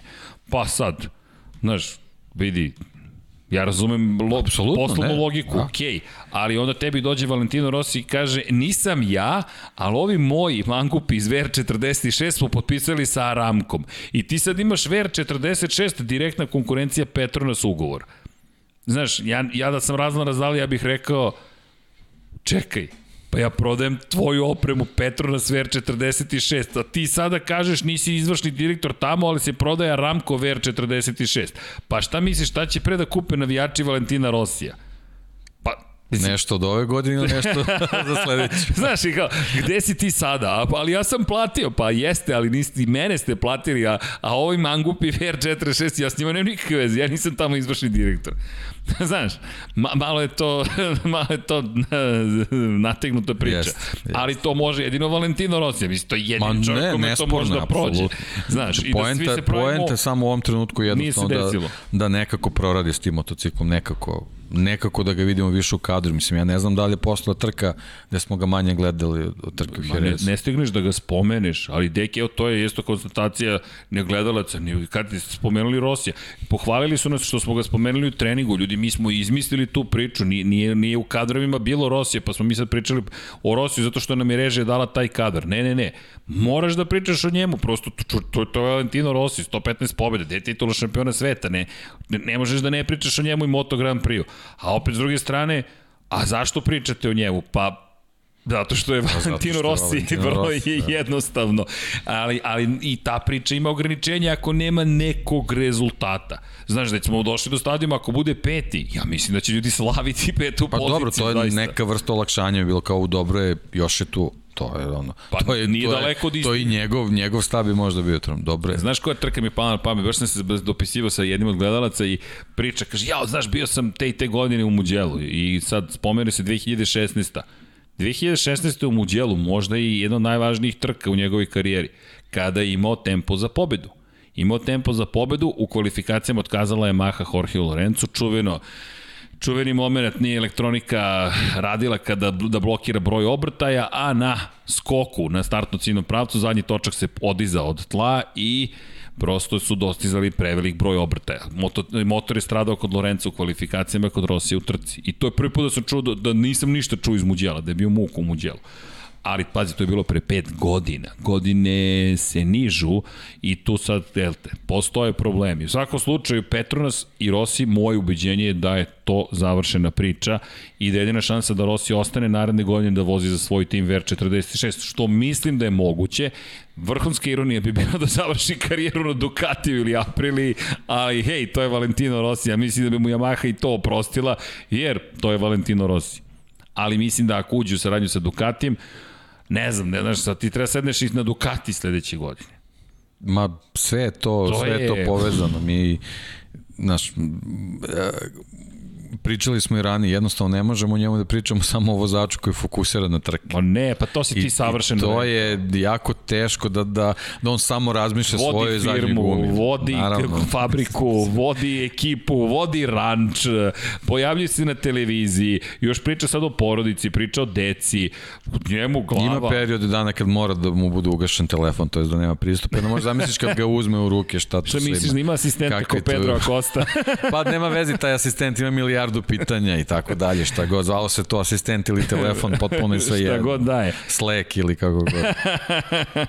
Vanja, ovo je bilo podlo. Deki je veliki ljubitelj Slacka, kao što možete da predosetite iz ove emotivne, iz ove emotivne razmene u studiju. Ali dobro, ima svojih mana, ima i vrlina. Možete da pretpostavite ko je pobornik Sleka. Ali dobro, da, u svakom slučaju Valentino Rossi eto, čekamo, ljudi, nema, nema šta drugo da vam kažemo, čekamo i ostaje nam da čekamo. A umeđu vremenu pogledajte specijal broj 46 posvećen Valentinu Rosiju. Ukoliko vam se dopada ovaj video, lajkujte, vidi kako sam provukao i lajkovanje. E da, ukoliko želite, podržite nas, imate tu oznaku dolar, to možete sada uživo. S druge strane imate Patreon, iako ja to svodim na šalu, prosto ta komercijalizacija nije mi baš jača strana, ali evo, učimo i mi, polako ali sigurno, pa smo, ej, čekaj, čekajte, majice. Pa, pa majice imamo već mesecima, majice se dostavljaju u roku od jednog dana, imate sve boje. infinitylighthouse.com kroz shop, evo Dom Pablo me gleda šokirano. Pa čekajte, je, li sad isporuka funkcioniše? Jel sad nisam ništa loše učinio? Evo jedna zelena je spremna u svakom slučaju. Ima žutih, crvenih i tako dalje. No, Da, možete da nas podržite, a lajkujte svakako video. Zašto? Pa zato što se sad trenutno svi smejemo ovde zabavno. je. Kad je Deki danas razbio atmosferu da ne bude previše ozbiljna, jasno vam je da je zaista studio otišao na kraju univerzuma. Međutim, mi nismo na kraju podcasta, već smo na polovini zato što imamo još tri kategorije koje treba da pokrijemo. I Moto 2, i Moto 3, i Moto E. Ali ja ću uprkos tradiciji da skočim na Ne, ne smem da skočim. Znaš zašto ne smem da skočim? Ne vredi. Dva razloga. Fausto Gresini, Dejan Potkonjak. Zašto? Ako neko... Kakva je veza? Kako? Fabio Di Antonio je da. veza. Da. Fabio Di Antonio je veza. Ko je nama pobedio u Moto2 kategoriji? Kakva E, ovo je masterclass. Vanja, daj momčilovu grafiku, molim te, s obzirom na činjenicu da će to biti zaista zanimljivo da se vidi. E, sada obratite pažnju na to šta je masterclass zapravo u celoj priči, dok ovde Dom Pablo koristi priliku da nas fotografiše, a mi se pravimo da se ništa ne događa u studiju. 1, 41, 5, 41, 6, 41, 5, 41, 5, 41, 5, 41, 6, 41, 6, 41, 6, 41, 7, 41, 6, 41, 6, 41, 6, 41, 7. Ljudi, 14 Ko krugova. Charlie Chaplin kad, Tako kad one šrafove zavrće. Samo što su njega motali u krug. Pa i ovoga isto. pa 41 Upao je 9. negde u, u mašinu. 41 9, 41 6, 41 7, 41 8, 41 7 i onda poslednja tri kruga 42 0, 42 Tri 1, počasna 43 kruga, 6. ovdje. Tako Da. je. 43 6 na kraju, to je čisto da se pozdravi, nažalost nije bilo publike. Ljudi, Fabio Di Gianantonio je odvezao trku života. Ono je bila brilja, ono je pravi masterclass Čuo u nas. Moto2. Čuo nas. Čuo te je. Stvari obojica, pošto smo rekli smo, Jesmo. Diđan Antonio Beceke, ako u Jerezu se ne vrate u vrh, To je nek to. zaborave sezonu. To je to, ali ti ba, baš veruješ u Diđu, Da. činjenica veruješ u Diđu i ono što je prelepo u celoj priči, to je vozač Fausta Gresinija. Gresinija smo izgubili, nažalost više nije sa nama, ali evo kako, kako živi uspomene na Fausta Gresinija. Tako što dođe momak i, i, i pozdravi se sa svima, mahne ovako i ono čuveno, evo vam kalendar, pa me vi zabeležite kad ćete me sustići otprilike i to je bilo to. Bukvalno savršena trka Fabio Di Gianantonio, bio sam iznenađen, savršen start, nije osvojio pol poziciju, nije mu bila ni potrebna. Kako izletao na prvu pol... Tačno se, posle toga je bilo jasno, aha, ok, ovo je, to je to, ovo je moja trka danas. Važi. Da, to je ovogodišnja Moto2 sezona. Tako je. Tako je, neko će doći do Osjeća se, hronometra. osjeća se da ka- kad se ovaj priprema trka, ko će biti taj. Jednostavno, ne, ne može da se sakrije. E, Diđa je, da. baš je Da, da. dobro izgledao. Ali moram te priznati, da sam verovao ipak malo da će se tu pojaviti još neki, no, no, no, no, Diđina trka i ja sam, moram priznati, čisto emotivno veoma srećan bio, s obzirom na činjenicu da, eto, da, da, da, da je Kresinije vozač pobedio. Ne krijem to, ne, nisam navijao, ne navijam ni, ni za koga, ali ako mogu da biram već da se, da, da, da, da se radujem nečijem uspehu, onda je to svakako u ovim situacijama, u to, to tako nekoj emotivnoj ne, emotivnoj priči, prosto mnogo je lepa bila priča, na kraju njegova prednost jeste bila 1,7 sekundi, ali videli smo te poslednje krugove, to je, to je bila čitava večnost u Herezu. Marko Beceki prošao drugi kroz cilj, mnogo važan moment, 20 ogromnih poena i pehar, i Sam Lowe's na poziciji broj 3 ponovo, mnogo važnih 16 poena i još jedan Da, pehar. Sam Lowe ovo je bolje išta nego ništa, ali on je, on je propustio priliku da, da ovaj, baci rivalu knockdown. Jeste. Propustio je Jeste, priliku, jeste, oni jeste. se sad polako Vratili dižu, se. vraćaju se, uopšte mu neće biti lako, iako je delovalo na početku sezone da će se prošetati sam Nisi je, ih sam je dokusurio. kriv, da, Tako je. apsolutno je sam kriv Nisi ih dokusurio, vratit će se Da. i u ovom slučaju, eto, vratili su se baš momci o kojima smo pričali, bilo im je potrebno par italijana, Ali fenomenalno, imamo, imamo petorku sad vrhunsko, ludilo, ludilo. Kada pričamo o peharima, čekaj deki, ovaj pehar ima da stoji ovde. Zašto? Zato što kada vam gledalci pošalju pehar, to je onda najvažniji pehar koji možete da dobiti. Pozdrav za ekipu iz Skladova ponovo. Ovo je, ne, nije ni osvojeno, prosto vi ste nam poslali, hvala, ali ponosni smo. U svakom slučaju, sjajna trka iz te perspektive, nije bilo toliko uzbuđenja koje smo očekivali, negde prežetkivali za prvo mesto, ali ne, meni to ne smeta. Opet te trke imaju svoju lepotu, imaju svoju priču, imaju svoju pozadinu i bitka za titulu u šampionatu sveta je potpuno otvorena. To je, to je ono što važno, glavno. zato što jednostavno karte su izmešane i, i, i nisu samo zanimljive trke kad imaš borbe 5-6 vozača, nego jednostavno kad vidiš da je neko u, u, u, u, u dobrom naletu, u, u, dobroj, u dobroj priči kao što je Fabio bio na, na ovoj trci, jednostavno sedneš i uživaš i gledaš kako čovjek vozi, tako da, da nemam ja problem što nemamo mi sad svaki put neki thriller, ovo je, ovo je jednostavno bilo njegovo izdanje, njegov dan i jednostavno kažem, sedneš, uživaš, gledaš i to je to. A ovo je thriller na svoju stranu, To je to, da, za da. svoju ruku. Ti kada pogledaš, pa kada pogledaš i svetsko prvenstvo, ho- hoćemo thriller, hoćemo thriller Miller, koji je zabeležio pobedu, nema problema. Remy Garner vodi u šampionatu sveta. Čekaj, nismo ga ni spomenuli, dečko je četvrti prošao kroz cilj. Drugo mesto, drugo mesto, treće mesto, četvrto. Malo počinje tu sada već da biva potrebno da zabeleži pobedu, ali tri da, dobro, duga je, duga je sezona, je. ali ako, ako ovaj, možeš da, da zadržiš ovu konstantnost, a pozicija na, na tabeli to govori, to je sasvim tu okej. Okay. Tu si. To je okej. Okay. Ono, jednostavno mislim da, da ima tu filozofiju da ne ide po, po svaku cenu na, na pobedu i to je, to je lepo, onako zrelo razmišljanje. Treba samo da bude siguran u motocikl koji ima, to je ono što je važno. Pa ja mislim da je siguran.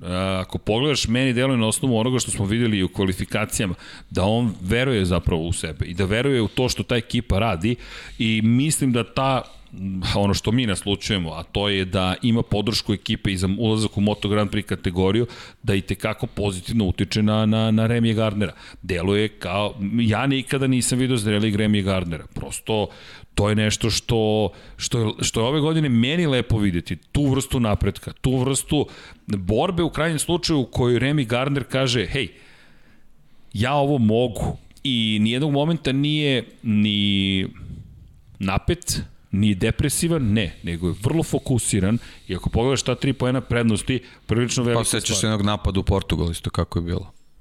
Da. To je jednostavno to, to je, je. Samo uve, a samo uverenost, to je, to je ta priča. I m, očekujem dosta od Remije Gardnera do, do, do kraja sezone, ne samo od njega, naravno očekujem Pa od, od svih očekujem zaista mnogo, ali je lepo videti to iz trke do trke, mi ne znamo ko će pobediti u Lemanu, nije to sada sigurna stvar. Da li će to biti Beceki, da li će to biti Sam Lowe's, da li će biti Gardner, da li će biti Raul Fernandez. Ti kada pogledaš, opet ista priča u šampionatu sveta. Mi imamo minimalne, minimalne razlike. Mi govorimo o 3 poena prednosti u odnosu na Sema Lowesa i 6 poena u odnosu na Raula Fernandeza. Marko Beceki je na 13 poena za ostatka, Fabio Di Antonio na 17. I onda dolazi ostatak sveta. Bukvalno potom dolazi ostatak sveta. To je pet vozača koji se bore za titulu prvaka. Ja ne znam šta više možemo da tražimo od jedne kategorije. Kad imaš pet takvih vrstnih vozača, pri čemu oni se smenjuju na pobedničkom postolju. Ti kada pogledaš, to je ta ekipa koja se smenjuje. Ono što je zanimljivo, u prvoj trci sezone, pobeda za Lousa, drugo mesto za Gardnera, treće mesto za Diđan Antonija, četvrto za Becekija i peto za Diđu. I da ne za Diđu, prostite, za Fernandeza. To je ta ekipa. To je njih pet. Onda sledeća trka, malo drugačiji raspored, gde ti imaš na poziciji broj 2 Gardnera, pozicija 1 Lowe's, pozicija 3 Fernandez, pozicija 4 je Beceki, Diđe malo popustio, bio deseti, Treća trka, Gardner treći, Sam Lowe's izletao sa stazona velika greška, Fernandez pobedio, Beceki bio peti i Diđe popustio bio 11. Ko se uspio tu da se uvuče? Aaron Kane je tu uskočio na poziciju broj 2 i Joe Robert bio četvrti. I onda dolazi ponovo trka na koja je ova petorka među vodećih pet. To je to. To je to. To je bukvalno to. Je to. to. Da. Tako da Moto dvojki se na to svodi i onda ostatak sveta. Bosco Scuro kao proizvođač, Aron Kane, Ajo Gura, pohvala Iskreno ja sam od Kanea očekivao više u Hirezu, ali videlo se još tokom, tokom kvalifikacija da se tražio i na kraju se malo izgubio u čitovi priči. To je jednostavno bilo, mnogo je tu bilo podizanja motocikla, tako da... Meni je, on, da. meni je utisak njegov, ona sezona kada sam verovao duboko da će osvojiti titulu, mirio svoju titulu u Moto trojkama, ni, nikada nije došao do te konstantnosti. To je pobeda, drugo mesto, povremeno dobar rezultat i uvek ista priča sledeća trka loš, pa onda dobar rezultat, pa loš, pa ga nema, pa neki problem, pa pad, pa incident prosto ne, Kane jednostavno deluje kao da je ta vrsta vozača. Brz, osvojite i onda sledeća trka već nizbrdo. Ali da, Moto dvojke, ne znam da li bi istakao još nekoga, koga bih istakao, a je Guru svakako na poziciji broj 7, standardno dobar Joe Roberts na poziciji 8, mora više od toga polako da ostvaruje, ali deluje mi kao da ne može ove godine da iskoristi Ital Trans, to je da taj skok nije nužno ono što je očekivao, ali naredne godine možda Joe Robert dođe više do izražaja, ukoliko ne skoči kao Amerikanac instant u Moto Grand Prix kategoriju, ne znam. Vidjet ćemo. Ne znam, vidjet ćemo, da, ali ono, upravo to što se rekao, možda tu ovaj, u, u planu neki onako postepeni napredak, vidjet ćemo. Kako god Ali generalno oni u Gura su tu, tako da, eto. Kako ti da deluje na gledamo. Jugura? Pa, m, ok, on, kažem, ovaj, mi smo imali tu neku situaciju s njim, znaš, pričali smo ovaj, dosta o tome vezano za prošlu sezonu, da je pokazao da, da mu nedostaje neka odlučnost i, i, i nešto da bi napravio taj korak, korak dalje, međutim, ovde, ovde je pokazao da, da ta filozofija u, u slučaju kad se pojaviš u novoj klasi nije tako loše. Sad, da li, da li to može da, da donese u nekom trenutku neke podijume, vidjet ćemo, ali mislim da, da o, kao što je važilo za prošlu godinu, samo mora da promeni taj stav da, da u nekim trenucima mora da bude malo odlučniji. Ali vezano za prilagođavanje na Moto2, ovo je super. Apsolutno pozitivno. Moto dvojke, kako god imaju svoju lepu priču i ja jedva čekam da vidim to napredak, ko će moći da napreduje, ko će u krajem slučaju povremeno da iznenadi u petorku i čekam kišnu trku. To mislim će biti jedan lep test. A idemo u Le Mans, naravno.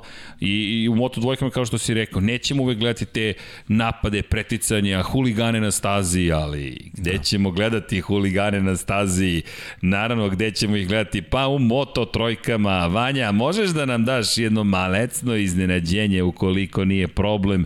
A šta je to? Pa vidjet ćete i sami zašto govorimo o huliganima. Naše britanske kolege su potrebile najsavršeniji mogući izraz na svetu. To su bukvalno huligani koji su oteli nekome motocikle i sa 16, 17, 18 godina izašli na stazu i rekli, e, e, nisu ništa ni rekli, samo su počeli da se bore i među tim huliganima jedan momak se ozbiljno izdvaja, a mada on deluje kao da nije pravi huligan, ima asistenta i po celoj priči.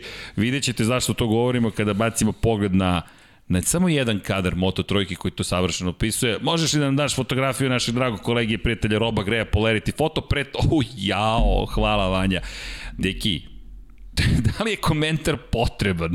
Pogledaj ih, oni traže isto mesto na stazi, isti milimetar staze, i kažu čekaj, čekaj, ne, ne, ne, ne, to je moje, ne, ne, to je moje. Kome si ti oteo taj motocikl? Nemam pojma, ja sam kod Akija, kod koga si ti? Ja sam kod RV-a Ponšana, koga si ti? Kod Maxa Bjađija, ok, jedini koji nema tako čuveno lice je u Snipers ekipi, ali je tu Andreja Minjo, neverovatni su, zaista Moto trojke i broj 37 koji čak i ovde izgleda onako kraljevski, momci, zna se ko drži ulicu zvanu Moto 3, Pedro Acosta, deki, treća pobeda u četiri trke, šta, šta bi?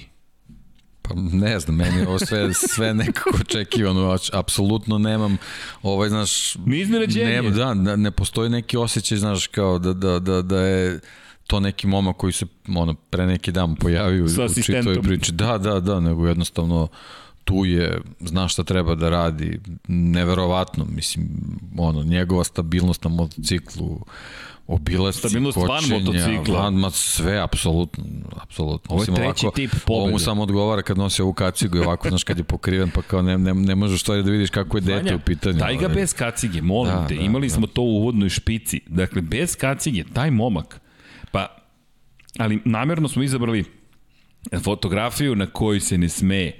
Zašto? Zato što to pokazuje takođe deo njegove ličnosti, on dečko će napuniti ovoga leta 17 godina. Ja sam pogrešio, inače, evo ga, pogledaj fotografiju. Kraj. Da, ova fotografija, Kraj. recimo fotografija iz Katara, tu već ima razlike. Da, da. Samo, samo nekoliko meseci, ali ovo je Ali pogledaj ti ovaj natpis. Smirenost, da. Gran Premio Red Bull de Espanja. To je njegova kuća. On je došao kod kuće i izdominirao čak i u trci u kojoj se traži milimetar na stazi. Pri čemu, možemo bacimo pogled Vanja na... Pri čemu na, izjavio da dolazi da opušteno da, da, da, uživa u trci. Došao, imao je fantastičan I zaista tako je bilo. Sa Markom da, Markezom. Da. Ne znam da li ste to uspeli da čujete, ne znam da li je besplatno na motogp.com, ali je fenomenalan intervju njihov iza kulisa. Dolazi Markez, ej, čao, čao, najzad da se upoznamo. Ja sam Pedro, ja sam Mark. Ok, evo, ja ću kada već, već spomenjem da izgovorim ono što je Matt Oaksley rekao, ne želim da budem novinar koji će postaviti pitanje da li je Pedro Acosta novi Mark Marquez, ali ću ja to ipak izgovoriti. Ne, ne postavljam pitanje, ono što si ti rekao, on je novi Pedro Acosta, to jest on je Pedro Acosta, ali ljudi, mi otprilike na tom smo putu i Vanja, daj, molim te ono što je momčilo izvukao, pogledajte, ovo je od 2011. godine. Nikola Sterol, Sandro Corteze, Maverick Vinales, Jack Miller, Danny Kent, Brad Binder, Joan Mir, Marko Beceki, Aaron Kane, Albert Arenas, Pedro Acosta. Broj bodova posle prve četiri trke. Najbliže savršenstvu je prišao Terol zajedno sa Kostom u rasponu od ovih 11 godina. Da li se neko, evo, seća na četu koji čovek je odgovoran što Nikola Sterol nije imao 100 poena? Evo, moj dragi prijatelj i kolega Aleksandar Đankić ga je pozvao Nikolas Teror, inače Aleksandar je trenutno u muzičkom studiju, ali nadamo se da će se pojaviti u studiju na kraju univerzuma, jedan hipersvemir, neki bi mogo da padne neki teleport, pričali smo, ja, ovo neki zoom, ali trenutno je muzika, glavna stvar, tako da držimo palčeve. Juče da, sam, da je sve bilo kako treba, možda bi nam se i pojavio, ali opet ja se izvinjam za moment koji se desio, no tata je dobro, ali ako se vratimo na, na, na ovaj pogled, evo, je neko odgovorio u četu možda, koji čovek je zaustavio Nikolasa Terora? Niko ne odgovara. Evo ja ću da vam odgovorim ko je zaustavio Nikolasa Terora. Maverick Vinales. Četvrta trka u karijeri Mavericka Vinalesa 2011. godine. Dvotakni motori od 125 kubika. I ko pobeđuje u Lemanu?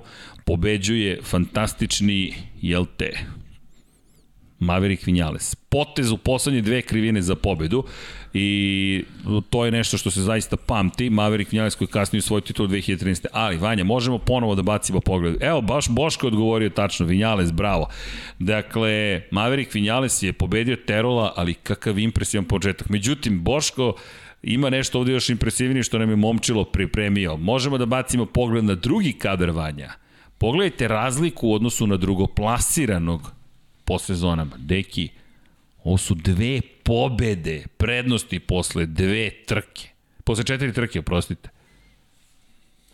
I sad, ja sam pogrešno protumačio pravilnik, to je 18 godina sam mislio da je ograničenje, međutim, evo šta kaže pravilnik, dakle, kada govorimo o tome, u kojoj godini možete da odete u Moto2 klasu, sa 16 godina možete voditi Moto2, kaže član 1.10.1, to je 1.10.1.1.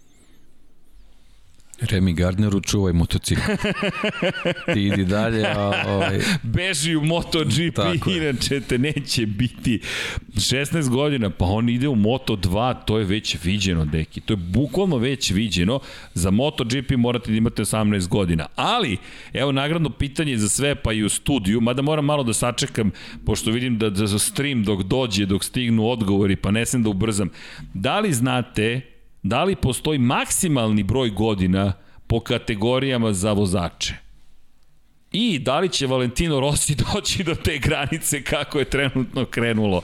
Ali eto vam odgovora član 1.10.1.2.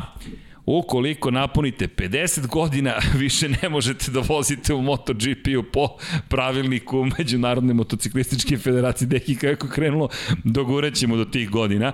Ali da, u Moto dvojkama ne možete da imate više od 50, mada ne vidim da će iko baš u Moto dvojke. Dobro, Albert Arena se približavao baš brzo. Da, a u trojkama 28 godina, osim ako ne debitujete sa 25 godina, e, to jest e, ukoliko Prvi put de, nastupate možete maksimalno 25 godine. Sa 27 ne možete da debitujete u Moto trojkama. Ko je ovaj čik? Tužit će ga otprilike. Ali eto, neke zanimljivosti. No, da se vratimo mi na Pedra Acostu. A Pedro Acosta je čovek koji, dečko koji ima asistente, ima 51 pojem prednosti i iz trke u trku je fenomenalan. Sa Markezom je razmenio reči na nivou. Mark mu je rekao, kako se, kao, samo nemoj da, da brineš, svi će od sada od tebe očekivati da pobeđuješ, rekao, pa da, dođem kući porodica, otprilike kaže, a lako ćeš ti da osvojiš titulu šampiona sveta. Kako ljudi, lako ću da osvojim titulu šampiona sveta. A sad idi spremi svoju sobu. sad idi spremi sobu. Pa evo šale se, naš prijatelj da, Goran, da. kada si vidio šta je poslao, ne znam čini je šala. kaže, ma, kaže Miguel Olivira, podesi ti mi prednji točak za pola stepena, promenite oslanjanje. Zadnji točak kod Danila Petrućija, Pedro Costa, za pola zavrtnja zategni protezu. ali bukvalno on dečko je baš jedan klin, klin, nije, klinac, on je ozbiljan momak, ozbiljan vozač, ali eto, činjenica je da, da, da ćemo, eto, gledati Bomka verovatno vrlo brzo u Moto dvojkama, ide u Le Mans, Marquez mu još takođe rekao, ne možete da razmišljaš o tome, i rekao, ja sam u prvoj sezoni MotoGP-a najviše uživao, tad se najmanje od mene očekivalo od onda, Samo se kaže pobeda, pobeda, pobeda, pobeda, još, još, još, još. I to je opet koliko treba da izdržite, koliko je Marquez izdržao, koliko je Rossi izdržao takvih sezona. Još, daj još komad sebe, još komad sebe, daj još, ali to je ono što je rekao Rossi, to ti publika takođe vraća, daješ sebe, dobijaš nazad, to je razmena energije, ali kako Osta koji je rekao, da, otprilike sad svi od njene nešto da, očekuju. meni delo da on ima taj mindset, on se On rodio, miran, rodio se s tim ne. čipom, tako da... Pa, pa znaš šta je rekao? Kaže, ne znam zašto su me zvali na konferenciju. Pa bukvalno ne znam šta ja tražim ovde. I onda je sedeo tamo, dečko odgovorio na nekoliko pitanja i išao dalje, ali zvaće ga još. Stalno će ga zvati prosto zvezda si sada, vodiš u šampionatu, pobeđuješ, ova treća pobeda je na jednom posebnom nivou. On je momak savršeno taktički odvezao na kraj. Savršeno. Da, Kako se postavio, kako je branio poziciju taktika, poslednje načini krivini. kako, kako, uh, kako percipira završetak trke i kako ima skener za, za sklanjanje od divljaka na stazi, ovaj, jednostavno moram tako da ih karakterišem, a to ovoga puta ta titula pripada Denisu Ondžu. Da, Denis Ondžu, uf, Mislim, ono je baš ne, ne Veliki promašaj. Bi, ma, ne znam kako bi to nazvao, to je stvarno. Ono, Si vidio to fotografiju? Nema, nema opravdanja nikakvih. Ne, ne, ne, nema opravdanja. Za onu, za one potes, mislim. prosto i, i postoji granica koju nije malo prešao granicu, prešao je mnogo granicu, problem je što nije njegova debitanska sezona. Apsolutno. Nije prvi put da vozi, nije prvi put u toj situaciji i eliminišeš još dvojicu ljudi, eliminišeš u, u celoj priči neko ko ti je skoro pa klubski kolega, Đaume Masija, Ma koji je to je to. Je to. De Svi facto znamo to je da je to. to to. Svi KTM, da je AIO, to. Tech 3 sarađuju vrlo blisko i još To jedna je bitna kao napomena. KTM i Tech 3 u Moto Grand Prix. Tako Svi je. znamo da onda oni jednostavno dišu zajedno, funkcionišu Tako je. zajedno i to je to. A Ondžo je dobio veliku podršku RVA Ponšarala i on i Ayumu Sasaki ove godine i još jedna bitna napomena uh, u celoj toj priči Petronas koji nema veze sa time, ali koji Derin Binder konkretno dosta teško prolazi. Derin Binder koji ponovo ostaje bez poena. Prošli put kazna pred trku, sada je neko izbacio sa, iz posljednje krivine, ali Romano Fenati je rekao ono što smo negdje i znali, ukoliko nemaš sreće, niko neće pasti ili oboriti nekog drugog u poslednjoj krivini, poslednjeg kruga u Moto trojkama. Bukvalno to su njegove reči pa na kraju trke i Fenati je rekao, ok, čekam da popadaju ispred mene. Ne, ne, ne, ne znam kako bih to sad u ovom trenutku opisao, jednostavno znao sam da će nešto se desi. Nje, njegov, njegov ulazak u poslednji krug i ulazak u poslednje krivine, to jednostavno nije, nije moglo da prođe, da se, da se ništa ne desi. A ovo je baš bilo ovaj, dramatično, pre svega zbog vozača koji je oborio i njihovi, njihove uloge u borbi za titulu. Jeste. To je onako, znaš, Jeste i to je ozbiljan p- pitanje da li će Ondžo ostati u šampionatu. ne, ovo je, ovo je stvarno bilo Džan je dobio Preterano, otkaz preterano, baš zato da, što da. nije mogao da se uklopi u taj način postavke stvari. Znaš kako, u nije u šampionat, šampionat traje sve trke, a ne sad kao ti si dobar na nekim stazama i sad tu trebaš da ne znam, neki rodeo da izvodiš to potpuno bez veze. Pritom, uh, čitavo vreme trke je kvario ritam ostali. Bez obzira na kojoj poziciji bio. To- Pokušavao je prosto da- to da. Jednostavno nije, tako se ne voze trke. Dobro, njegov pokušaj... Mislim, moj stav, mislim, Jasno mi apsolutno da kažem, e, bukvalno mi je iritirao me i smetao mi je čitavu trku. Ali, To znaš kako, u to- njegovu odbranu, to je pokušaj da, Da. dođeš do, do pobjede, ako sečeš tempo, samo što je prelazio granicu... Znaš, ono, ali to je ono kad kažeš sve ili ništa. On je, A on je jasno stavio do znanja sve ili drugo, ništa. Da. I si vidio njegov Da. vrat.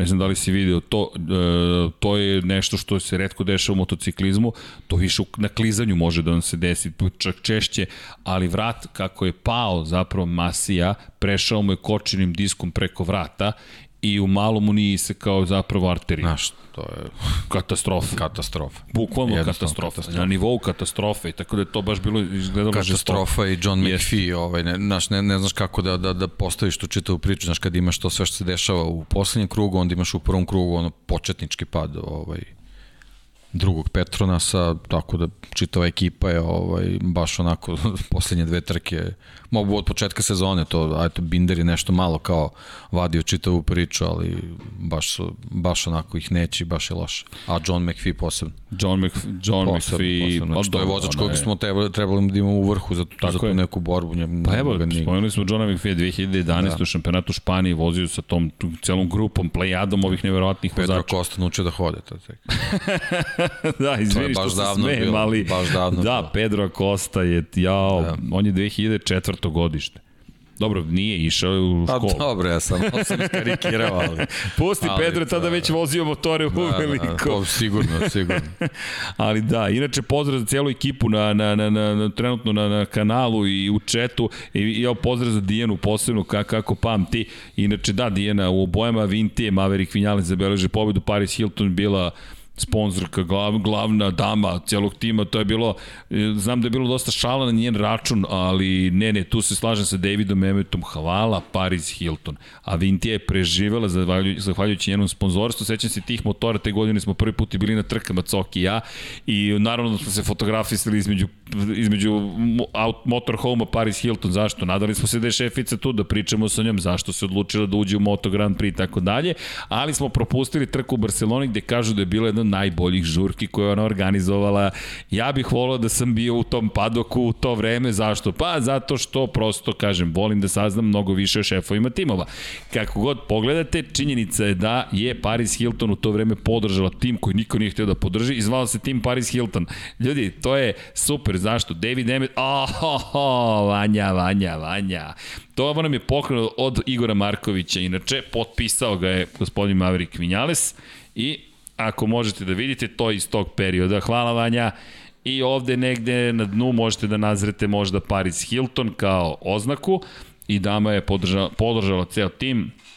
Baš je bila veliki sponsor i pojavljivala se povremeno, uglavnom u Španiji, kao DJ se pojavljivala tokom trka i to je, što David Emmet reče, ljudi, ta žena je upotrebila svoje društvene mreže te 2011. da ljudima koji možda nikada nisu čuli za Moto Grand Prix predstavi jedan potpuno novi svet, tako da hvala.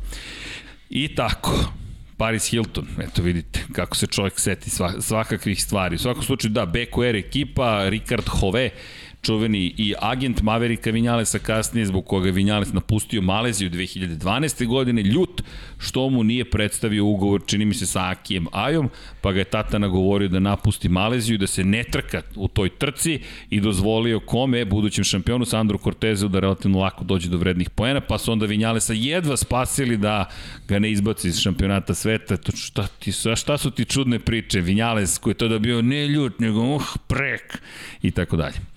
Eto, idemo dalje. A idemo dalje gde? Moto trojke, pokazujemo ovde na sat. Sat, zašto mi pokazujete na sat? Aha, bliže se Kosmos, broj 11 u 11 časova. Da, imamo još jednu trku, e, samo bih istakao stanje u šampionatu sveta, iako titula deluje već sada tako dosta izvesno. Nikolo Antonelli na poziciji broj 2 u šampionatu sveta, čovjek koji je osmi prošao kroz cilj, ali šta ti je konstantnost? Šesti, treći, šesti, osmi, ti si broj 2. Ali, ovo negde i govori u prilog tome zašto verujemo svi da će Pedro Acosta osvojiti titulu.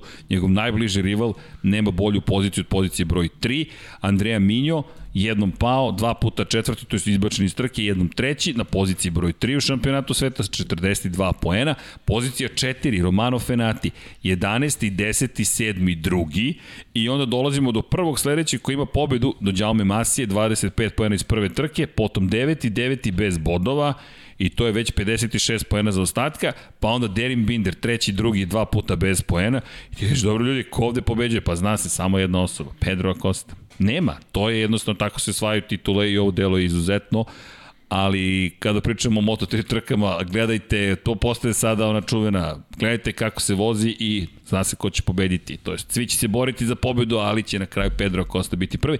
I Juri, jedan veliki rekord, spomenjemo ga kao Marka Marquez, jer je to generacijski sled, ali ko drži rekord po broju pobeda u najnižoj kategoriji, 125, kroz Moto3, Valentino Rossi.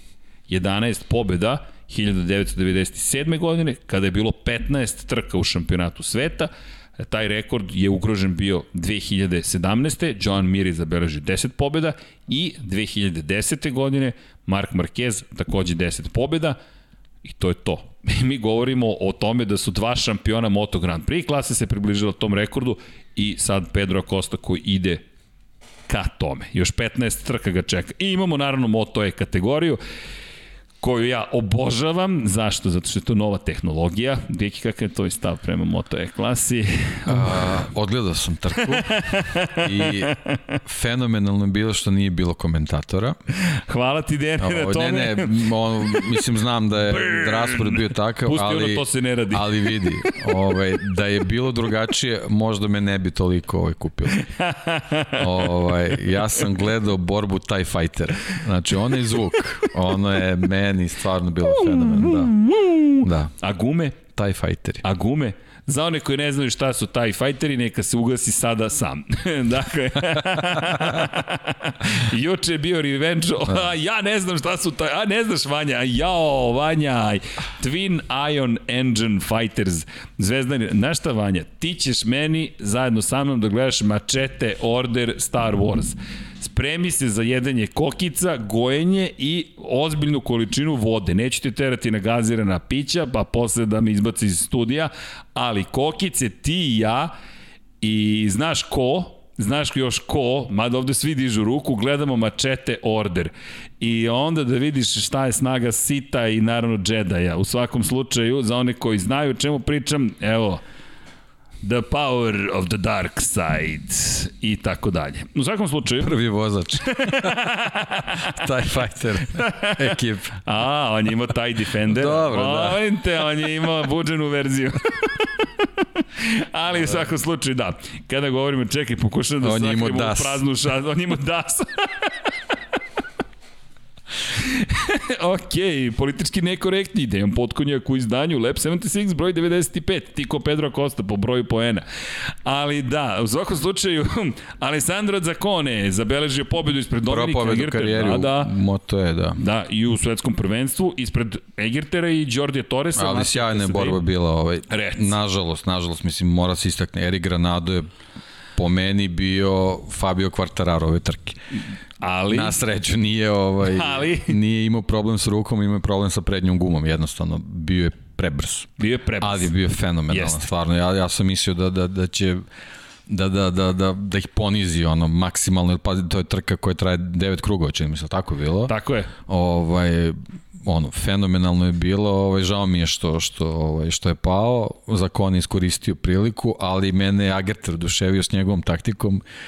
Domi. Ovaj, domi, znači bukvalno ta ta mala greška u u u u šestoj krivini to to za, za, za milisekund prerano dodavanje gasa i situacije da mogu tako da izleti iz, iz sedišta da ono stvarno bi bio ovaj neverovatan pad ovaj to je bukvalno bila prilika gde, gde se nekoliko krugova pripremao za, za taj napad gde bi sigurno sigurno bi ovaj prešao u vojstvo i, i, i završio trku na prvom mestu ovaj tako da njegova vožnja mi onako baš bila baš bila fascinantna to je ono jednostavno za Kone, Agerter Torres, ovaj, Granado, mislim da ćemo imati super trke ovaj, vezano za, za Moto E i posle ove trke obećavam da ću pratiti čitav To sam htio da čujem. da. Jel vidiš koliko su dobri trke? Ali mora zvuk da se čuje. Šta to znači? Da ćuti? Pa kao Misliš što... da je to teoretski moguće? Pa ako ne prenosiš, ne možeš ni to da je pričaš. samo zato što nije bilo Da, slobodnih da. kabina, a i Da. morao sam da radim Formulu 1. Zato što kao, kao što u, u, u trkama formule ili, ili motocikala ovaj, uh, ne pričate dok, dok je kadar iz kabine jednostavno da bi ili ili ovaj iza vozača da bi da bi moglo da da se čuje ovaj ovde bukvalno čitavu trku odlična odličan je odlična je režija sa sa prenosom zvuka jer je bukvalno prati ono što se dešava na stazi meni je stvarno to bilo fascinantno kako se čuju ti motocikli inače krugovi su tu negde moto trojke su već dostigli što je isto super napredak tako i napredak. više krugova. tako je, tako 8, je, 8 tako konkretno je. ih je bilo, da. ali to je opet kapacitet je, da. baterije, to je nešto što se vidi sada I već. super mi je ono s njima priča, ono nema kruga za zagrevanje. Nema. Odma se poleće. Da, super je, super je. Ovaj. I treba, treba ovaj, Ne, ne, treba ali dru, zvuk jeste drugačiji. Znaš, da. znaš šta je Ognjen, je to primjer naš drugar rekao, pozdrav za Ognjena ako prati, je rekao isto što i Mark Marquez. Čuješ ni slajdere, čuješ slajdere i čuješ gume. I ti ti kažeš, ok, šta se ovde zbiva ljudi, šta, zašto su svi poludili, još u pozadini stvarno taj fajteri. Fenomenalno. apsolutno imaš, imaš doživlje brzine. A, To je bitno. Vidi, nisam siguran da ćete usrećiti na sledećoj trci, ali pokušat ću. Misli o meni. Misliću. to je nemoguće da ne mislim. ali da, kratak izveštaj, eto, iz Moto E klase, ljudi, zaista pratite, vredi ova kategorija bez obzira što deluje kao da, da, da, da je relevantna, nije. Meni, moram te priznati, mi se više dopada od Formule E, zato što Formula E mi je bila bolja u jednom momentu, onda Moto E me sve više osvaja. Zašto? Zato što je u trkačkom vikendu, zato što su mi poznati ljudi, zato što su isti timovi i zato što nekako u cijeloj priči imaš ta direktna poređenja i po pitanju vremena, krugova, kapaciteta baterije, znaš, drug, lepše ga razvijaju. Mislim da su izabrali bolji put, neki je to i pitanje sreće, kako god, ali vremeno će to doći do 15 krugova, doći do ozbiljnih trka, doći će do, do, do smanjenja težine. Ono što smo pričali, e, najvažnije stvari na stazama su. To je to. To je to. Je to. U, Trkanje. u, u okviru velikog šampionata su i to je ono što je bitno za razliku od Formule E koja se vozi u nekoj drugoj priči i niko je ne, ne, ne poistovećuje sa, sa, sa glavnom pričom. Tako je. Tako I je to je veliki problem kad bi se to i desilo, ogromna bi razlika bila. Ovde razlika više nije tako velika. Inače, pozdrav za celu ekipu koja vozi Matija Kasedej četvrti, Miguel Pons, Mateo Ferrari, šampion sveta prvi, Hikari Okubo, prvi Japanac u moto klasi, Andrea Mantovani, Marija Herrera, bravo za Mariju. Da, Marija je startovala deveta, završila je deveta. Ovaj... Ali to je dobar plas. Jeste, jeste, apsolutno, apsolutno, posebno zbog te borbe koja je bila u vrhu. Jeste. Ok, to. Dobar je, dobar je to okay, plasman. Da. Joni Hernandez, zatim Jasper i Vema, Očekujte da brz, brz bude u Asenu. Andre Pires, Erik Granado i Kevin Zanoni, pri čemu, kada već spominjemo neka od ovih lica, konkretno Erika Granada, je se sećaš početka podcasta, verovatno ne davno je bio, ali činjenica, Erik Granado peti u šampionatu Španije 2011. godine. Iza, da ponovo napomenem, Nikola Antonelije koji je danas drugoplasirani u Moto, Moto3 šampionatu, Francesca Banjaje koji vodi u Moto Grand Prix šampionatu, Aleksa Markeza koji vozi za, za Lučići Kinelo Racing fabričku Hondu i Aleksa Rinsa koji je u fabričkoj ekipi Suzuki. Kakva generacije kakve generacije stignu ponekada i ta 2011. je, je važna godina zato što je te godine branilac titule otišao u svetsko prvenstvo, a zove se Maverick Vinales koji je sa Wild Wolf ekipom osvojio titulu 2010. I onda pobedio Nikola Sateralo u Le Manu u četvrtoj trci u karijeri. Kako se stvari neverovatne dešavaju ponekada. I Morat ćemo polako da završavamo, ali da ne, ne smemo baš bez pitanja. Imamo 12 minuta za pitanje, onda imamo 5, k, k, mnogo, a? ne, ne, ne, ovde mi maršu, ne. Koliko imamo za pitanje? 7 minuta? 5 e, plus 2, je li to se, ne, 5, evo 5 minuta, imamo brda pitanja. Pitanje za bojicu, staza ali manje poznata pa mnogo pada, u tom smislu vaša prognoza za mojmo 93. Pa, mnogo padova nije vezano za jednog vozača, tako da, da a i nije baš okej okay da, da tako ovaj, gledamo ovaj, priču, ja mislim da, da će on samo iz trke u trke da bude bolji, ali nećemo to da povezamo s padovima. Na, da, pa na, sad zavisi, ima mnogo padova, najviše apsolutno, sezone. To, to je činjenica, to, to stoji. Nadam se da ih stoji. neće biti. Zato je, zato je KTM i testirao, najviše se fokusirao na testu na toj prednjoj gumi da bi, da bi pronašli odgovor da ne bi oni bili u šljunku da ne bi popravili taj broj padova, tako da Nije, nije, nije okay vezivati to za jednog vozača, opet s druge strane moramo da se spremimo da će toga biti tamo. Sigurno. E, pitanje da li ima shipping za Bosnu za majice? Radimo Aleksandre na tome. Mislim da smo sve, evo pobegao je Dom Pablo, to vam je kao nemoguća misija, kao da ne znam, šaljemo zaista ne znam gde, ali da sad ne ulazimo u te momente, rešit ćemo mi to, nemojte da brinete. Veliki, e, Stipo, veliki pozdrav za Infinity, da, da ste šefovi Infinity Lighthouse, da ste šefovi ekipa koju začin biste izabrani koji motor za borbu u šampionatu sveta, ali samo grid od ove godine, pitanje za gospodine Dekina i gospodine Crke gospodin Srki ne postoji, ali gospodin neki postoji, šalim se. Uh, mogu ja za tebe, e, ajde ja da izaberem za tebe ekipu. Zarko, Bastianini i Ducati GP21. To je to. A vi za mene? Apsolutno. jo, sad si me zatekao. Ne? ne znam šta bih rekao. Rekao bih Miller, Binder, Aprilije. Ti si dakle re, ba, rešio da je moj su kamikaze. Da, da, da, da. Evo, usvojeno. Nema problema, usvojeno. Ako to neki tako kaže, onda je to rešeno. Nema nikakvih problema. Ali okej. Okay. Eto, April je gotovo sigurno da bih išao April. Mada i KTM, volim ja te. Oni se sad ponovo outsideri. Da li Rossi može do bodova? Može, sigurno. Ma, da, Ma ne, da. to je, to je gotovo sigurno. E, Jerez sedma krivina najgora za većinu vozača, pa vrlo verovatno. Da li se nekad desilo da neki vozač napravi idealan krug, da je bio najbrži u svim sektorima? Jeste. Ne sećam se koja je bila trka, mislim da je Mark Marquez to bio postigao ili čak Fabio Quartararo u prvoj sezoni, ali znam sigurno da je mislim bilo, da je Marquez imao, da sad da. ne mogu ja napamet, ali mislim da je Marquez imao to, da. Da, evo, po pitanju da li smo odgledali klip sa MotoGP o Padoku iz 1992. 30 godina, ako niste odgledali, da, treba ga pogledati, bilo je, bilo je više nego zabavno. E, vidite li Petrona sa fabričkim motorom u narednim sezonama? Da, Da, samo kojim motorom? To je isto veliko pitanje. Petronas pregovara i sa Suzuki. Petronas ima ozbiljno tržište, to je pokriva tržište Malezije i tamo je vrlo ozbiljna romna marka to pa, pitanju. Mislim da dosta zavisi od ovih pregovora vezanih za timove koji razgovaraju sa Ducatijem.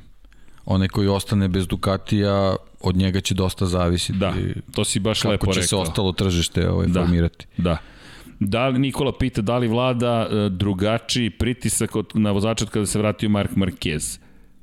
Pa mislim da više ne. Mislim da U ne. U prvoj trci da, ali mislim da su sada svi svesni da je daleko od one forme koju je imao. I sad svi to koriste. da. Niko ne zna da li će se tako vratiti je. onu tako svoju je. formu. Tako da. Uh, Viktor, da, pa to je to. E, Viktor Karholi, srđane, šta misliš, da li HRC igra neke igre, uzeli su Lorenca, pa je propao u Hondi, sada isto se s Pargarom, bio je sjajno formi, svetljen kao Lorenzo sa Ducatijem, šta misliš? To kao Real što kupuje igrače. da, da, nije, nije, nije, mislim da, da HRC prosto nije za svakoga. HRC, to ono što mislim da Pole Spargaro polako uči. HRC je surova sredina, ne mislim, mnogo vam je skuplje da pokušate da napravite lošiji motor za svog vozača nego da, da vam vozač uspe. Jer ništa ne, do, ne dobijate time da se trenutno sramotite da budete 9. 10. 14. 15.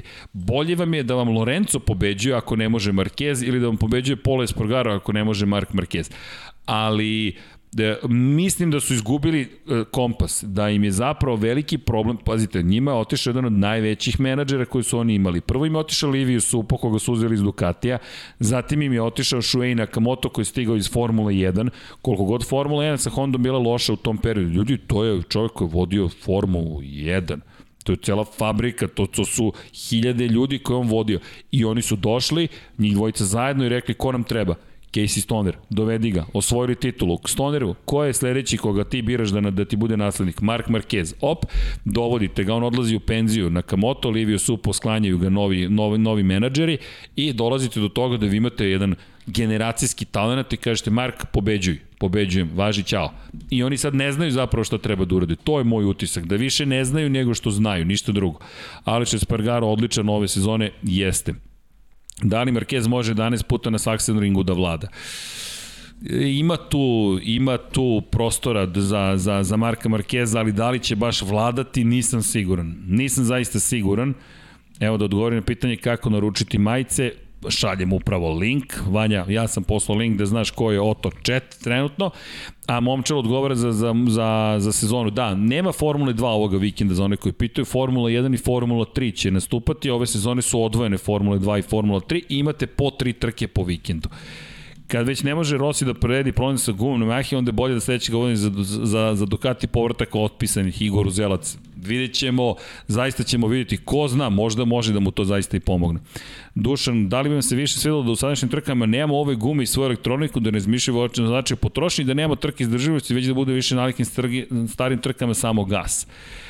Pa, uvek morate da razmišljate o gumama. I, ako se vratite na izjave i Rosije i Duana i ostalih ranije, i oni su tad razmišljali o gumama, to malo idealizujemo po nekad ljudi, mi smo gotovo na nivou idealnog. Ja nemam problem sa trenutnom postavkom stvari. Dakle, ovi ljudi voze ozbiljne krugove. Ako pogledate tempo Fabio Quartarara, to su sve rekordni krugovi. Da, smanjene, smanjene količina goriva koje imaju na raspolaganju, ali nije kao u Formuli 1, oni ne puštaju gas pred ulazak u krivinu. Ne, ne, oni vode računa o tome kako da kontrolišu gume, ali nemam toliko problem sa time. Zapravo koliko bih voleo da Michelin donese bar 4 ili 5 različitih guma po trci, pa da dozvoli vozačima da biraju. E, s tim imam problem, jer mislim da Michelin previše određuje sudbinu vozača. Tu se, ako tako mi razmišljate, slažem. Da ideja za specijal ekipa Infinity Lighthouse na karting stazi, da li je to izvodljivo? Ako postoji karting koji prima manje, preko 100 kila možda, ali da, bila i teorija da su za VT tajno pravili posebne gume, pa da, nekad su pravili uh, posebne gume pre 15 godina, ne samo za Valentina Rosija, već i za drugi vozače. Da li imamo neko saznanje eventualnim trkama sa publikom? Biće hiljadu ljudi sada u Barceloni za Formulu 1 i očekuje se uh, možda publika ukoliko ode, se ode u Ameriku, ali to je za sada to i možda par hiljada ljudi još na nekim trkama bila je, te, da li sam nešto propustio, da li te mislite da bi duplo pobedu Ducati mogli da zove reakciju kod Zarka da bude agresivniji? Pa mislim da on dovoljno agresivan već sam po sebi. Prosto mu ova staza nije odgovara. Da li Marquez može da se vrati? Apsolutno može, makar ja verujem da da može. Da li će, može li Marquez sledeće sezone da uradi ono što je uradio Rossi 2008. posle povrede do titule? Pa Rossi nije imao povredu 2007. Imao je povredu na, na kraju, ali Casey Stoner, Ducati i Bridgestone su, su bili mnogo bolji prosto. Ali, Uh, ajmo da odgovorim na još par pitanja i polako da se jeljamo zašto, ne, nemojte zaboraviti, zakazali smo i Kosmos 11 od 23 časa, ne zamerite, ali ovde smo već koliko, dva i po sata? Dobro, ja se nadam da je to 3. Ovde neki poručuju da su 3 sata. To ste vi tamo u studiju. Jedna svaka čast za podcast od utorka, uživao sam. Hvala. E, trudili smo se, volimo da nam dođu tako ljudi koji su bili na stazama. Niko nam još nije bio na Moto Grand Prix, ali poradit ćemo na tome da, da, bude, da budu neki, to jest da budemo. I Pitanje Frank ide na titulu moguće, nije nemoguće. Jack Miller sve tri pobjede, da računam Argentincu, stice okolnosti. Prva pobjeda po kiši, druga na specifičan način i ovaj na, na opet na nasleđenu pobjedu. Pa može i tako da se gleda, ali opet je pobedio. Tako da je to baš sve uradio kako treba. Srki pozdrav tatu, na jeste kako treba. Hoće li Kvatararo biti da, da, spreman da vozi bez kompromisa? Ja mislim da će ga Francuska malo povući, pa, iskreno. Pa da, ovaj, sad, sad sve zavisi, ovaj, to je jako kratak period za oporavak, ali nije nemoguće, tako da vidjet ćemo. I da li će Marko pita, Mark Marquez voziti sa 80% snage da ne bi sebi upropastio karijeru? Pa, i videli ste sami, on, ja mislim da ne može, da ne ume. Ovo sad što je bilo je 100% u ovom 100%. trenutku. Tako, da, tako je, sam, tako je. Sam taj pad govori da je bio 100%. Onoliko koliko može u ovom trenutku. Tako je. I da. pitanje je još evo jedno za Dovija, da li, umesto Aleš, da li može umesto Aleša u slučaju da Aleš ne bude mogao da vozi neku trku. Pa Dovi ima licencu, on može da vozi, to može je da bude wild card, ugovora i može da bude wild card. Ne mora uopšte da menja bilo koga. Tako je, može, to ste mogli već da vidite, Stefan Bradley vozio kao wild card u Herezu, nije 2020. kada su zabranili wild cardove, ne, i mi očekujemo posle testa u Muđelu. Ale, Aleš ide na operaciju tako je, ovo koji, kako ima Fabio odmah, odmah posle Francuske, tako da vidjet ćemo, ali, ali to nije vezano za nastup Dovi, apsolutno. Da, i ono što je bitno napomenuti u toj celoj priči, da posle testa u Muđelu koji očekujemo sa Aprilijom, ćemo znati mnogo više da li ili bolje rečeno čero kada se vraća Andrea Dovicioso. Vidimo se u 20, za 23 sata, vidimo se u 23 sata Jopa Zege, zašto? Ako volite svemir, malo ćemo da pričamo o SM15, malo ćemo da pričamo o Polo 11 i tako dalje, deki ja ostajemo ovde, malo dok nađujemo. Ljudi, nadam se da ste uživali, imate pozdrav cele ekipe, ovde je si Ivan nam je došao Toškov posle, ohaj, svi su se skupili ovde, tu nam je, evo, ne znam da li smem da imenujem ekipu, ali to je, ne da ne imenujem ekipu, jedna ekipa ljubitelja i gledalaca koja se okupila iza kulisa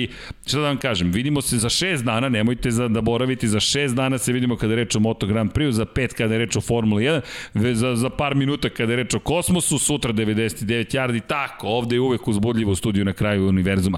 Veliki pozdrav svima i evo završili smo pre ponoći, potpuno neverovatno, možda čak i na vreme krenemo sa kosmosom. Ljudi, šta da vam kažem, mazite se, pazite, vodite računa jedni u drugima, budite dobri, pratite Moto Grand Prix, Formulu 1, Formulu E, Moto E takođe, I naravno gledajte Zvezdane ratove. U to ime, veliki pozdrav u ime cijele ekipe Infinity Lighthouse-a i naravno, čao svima!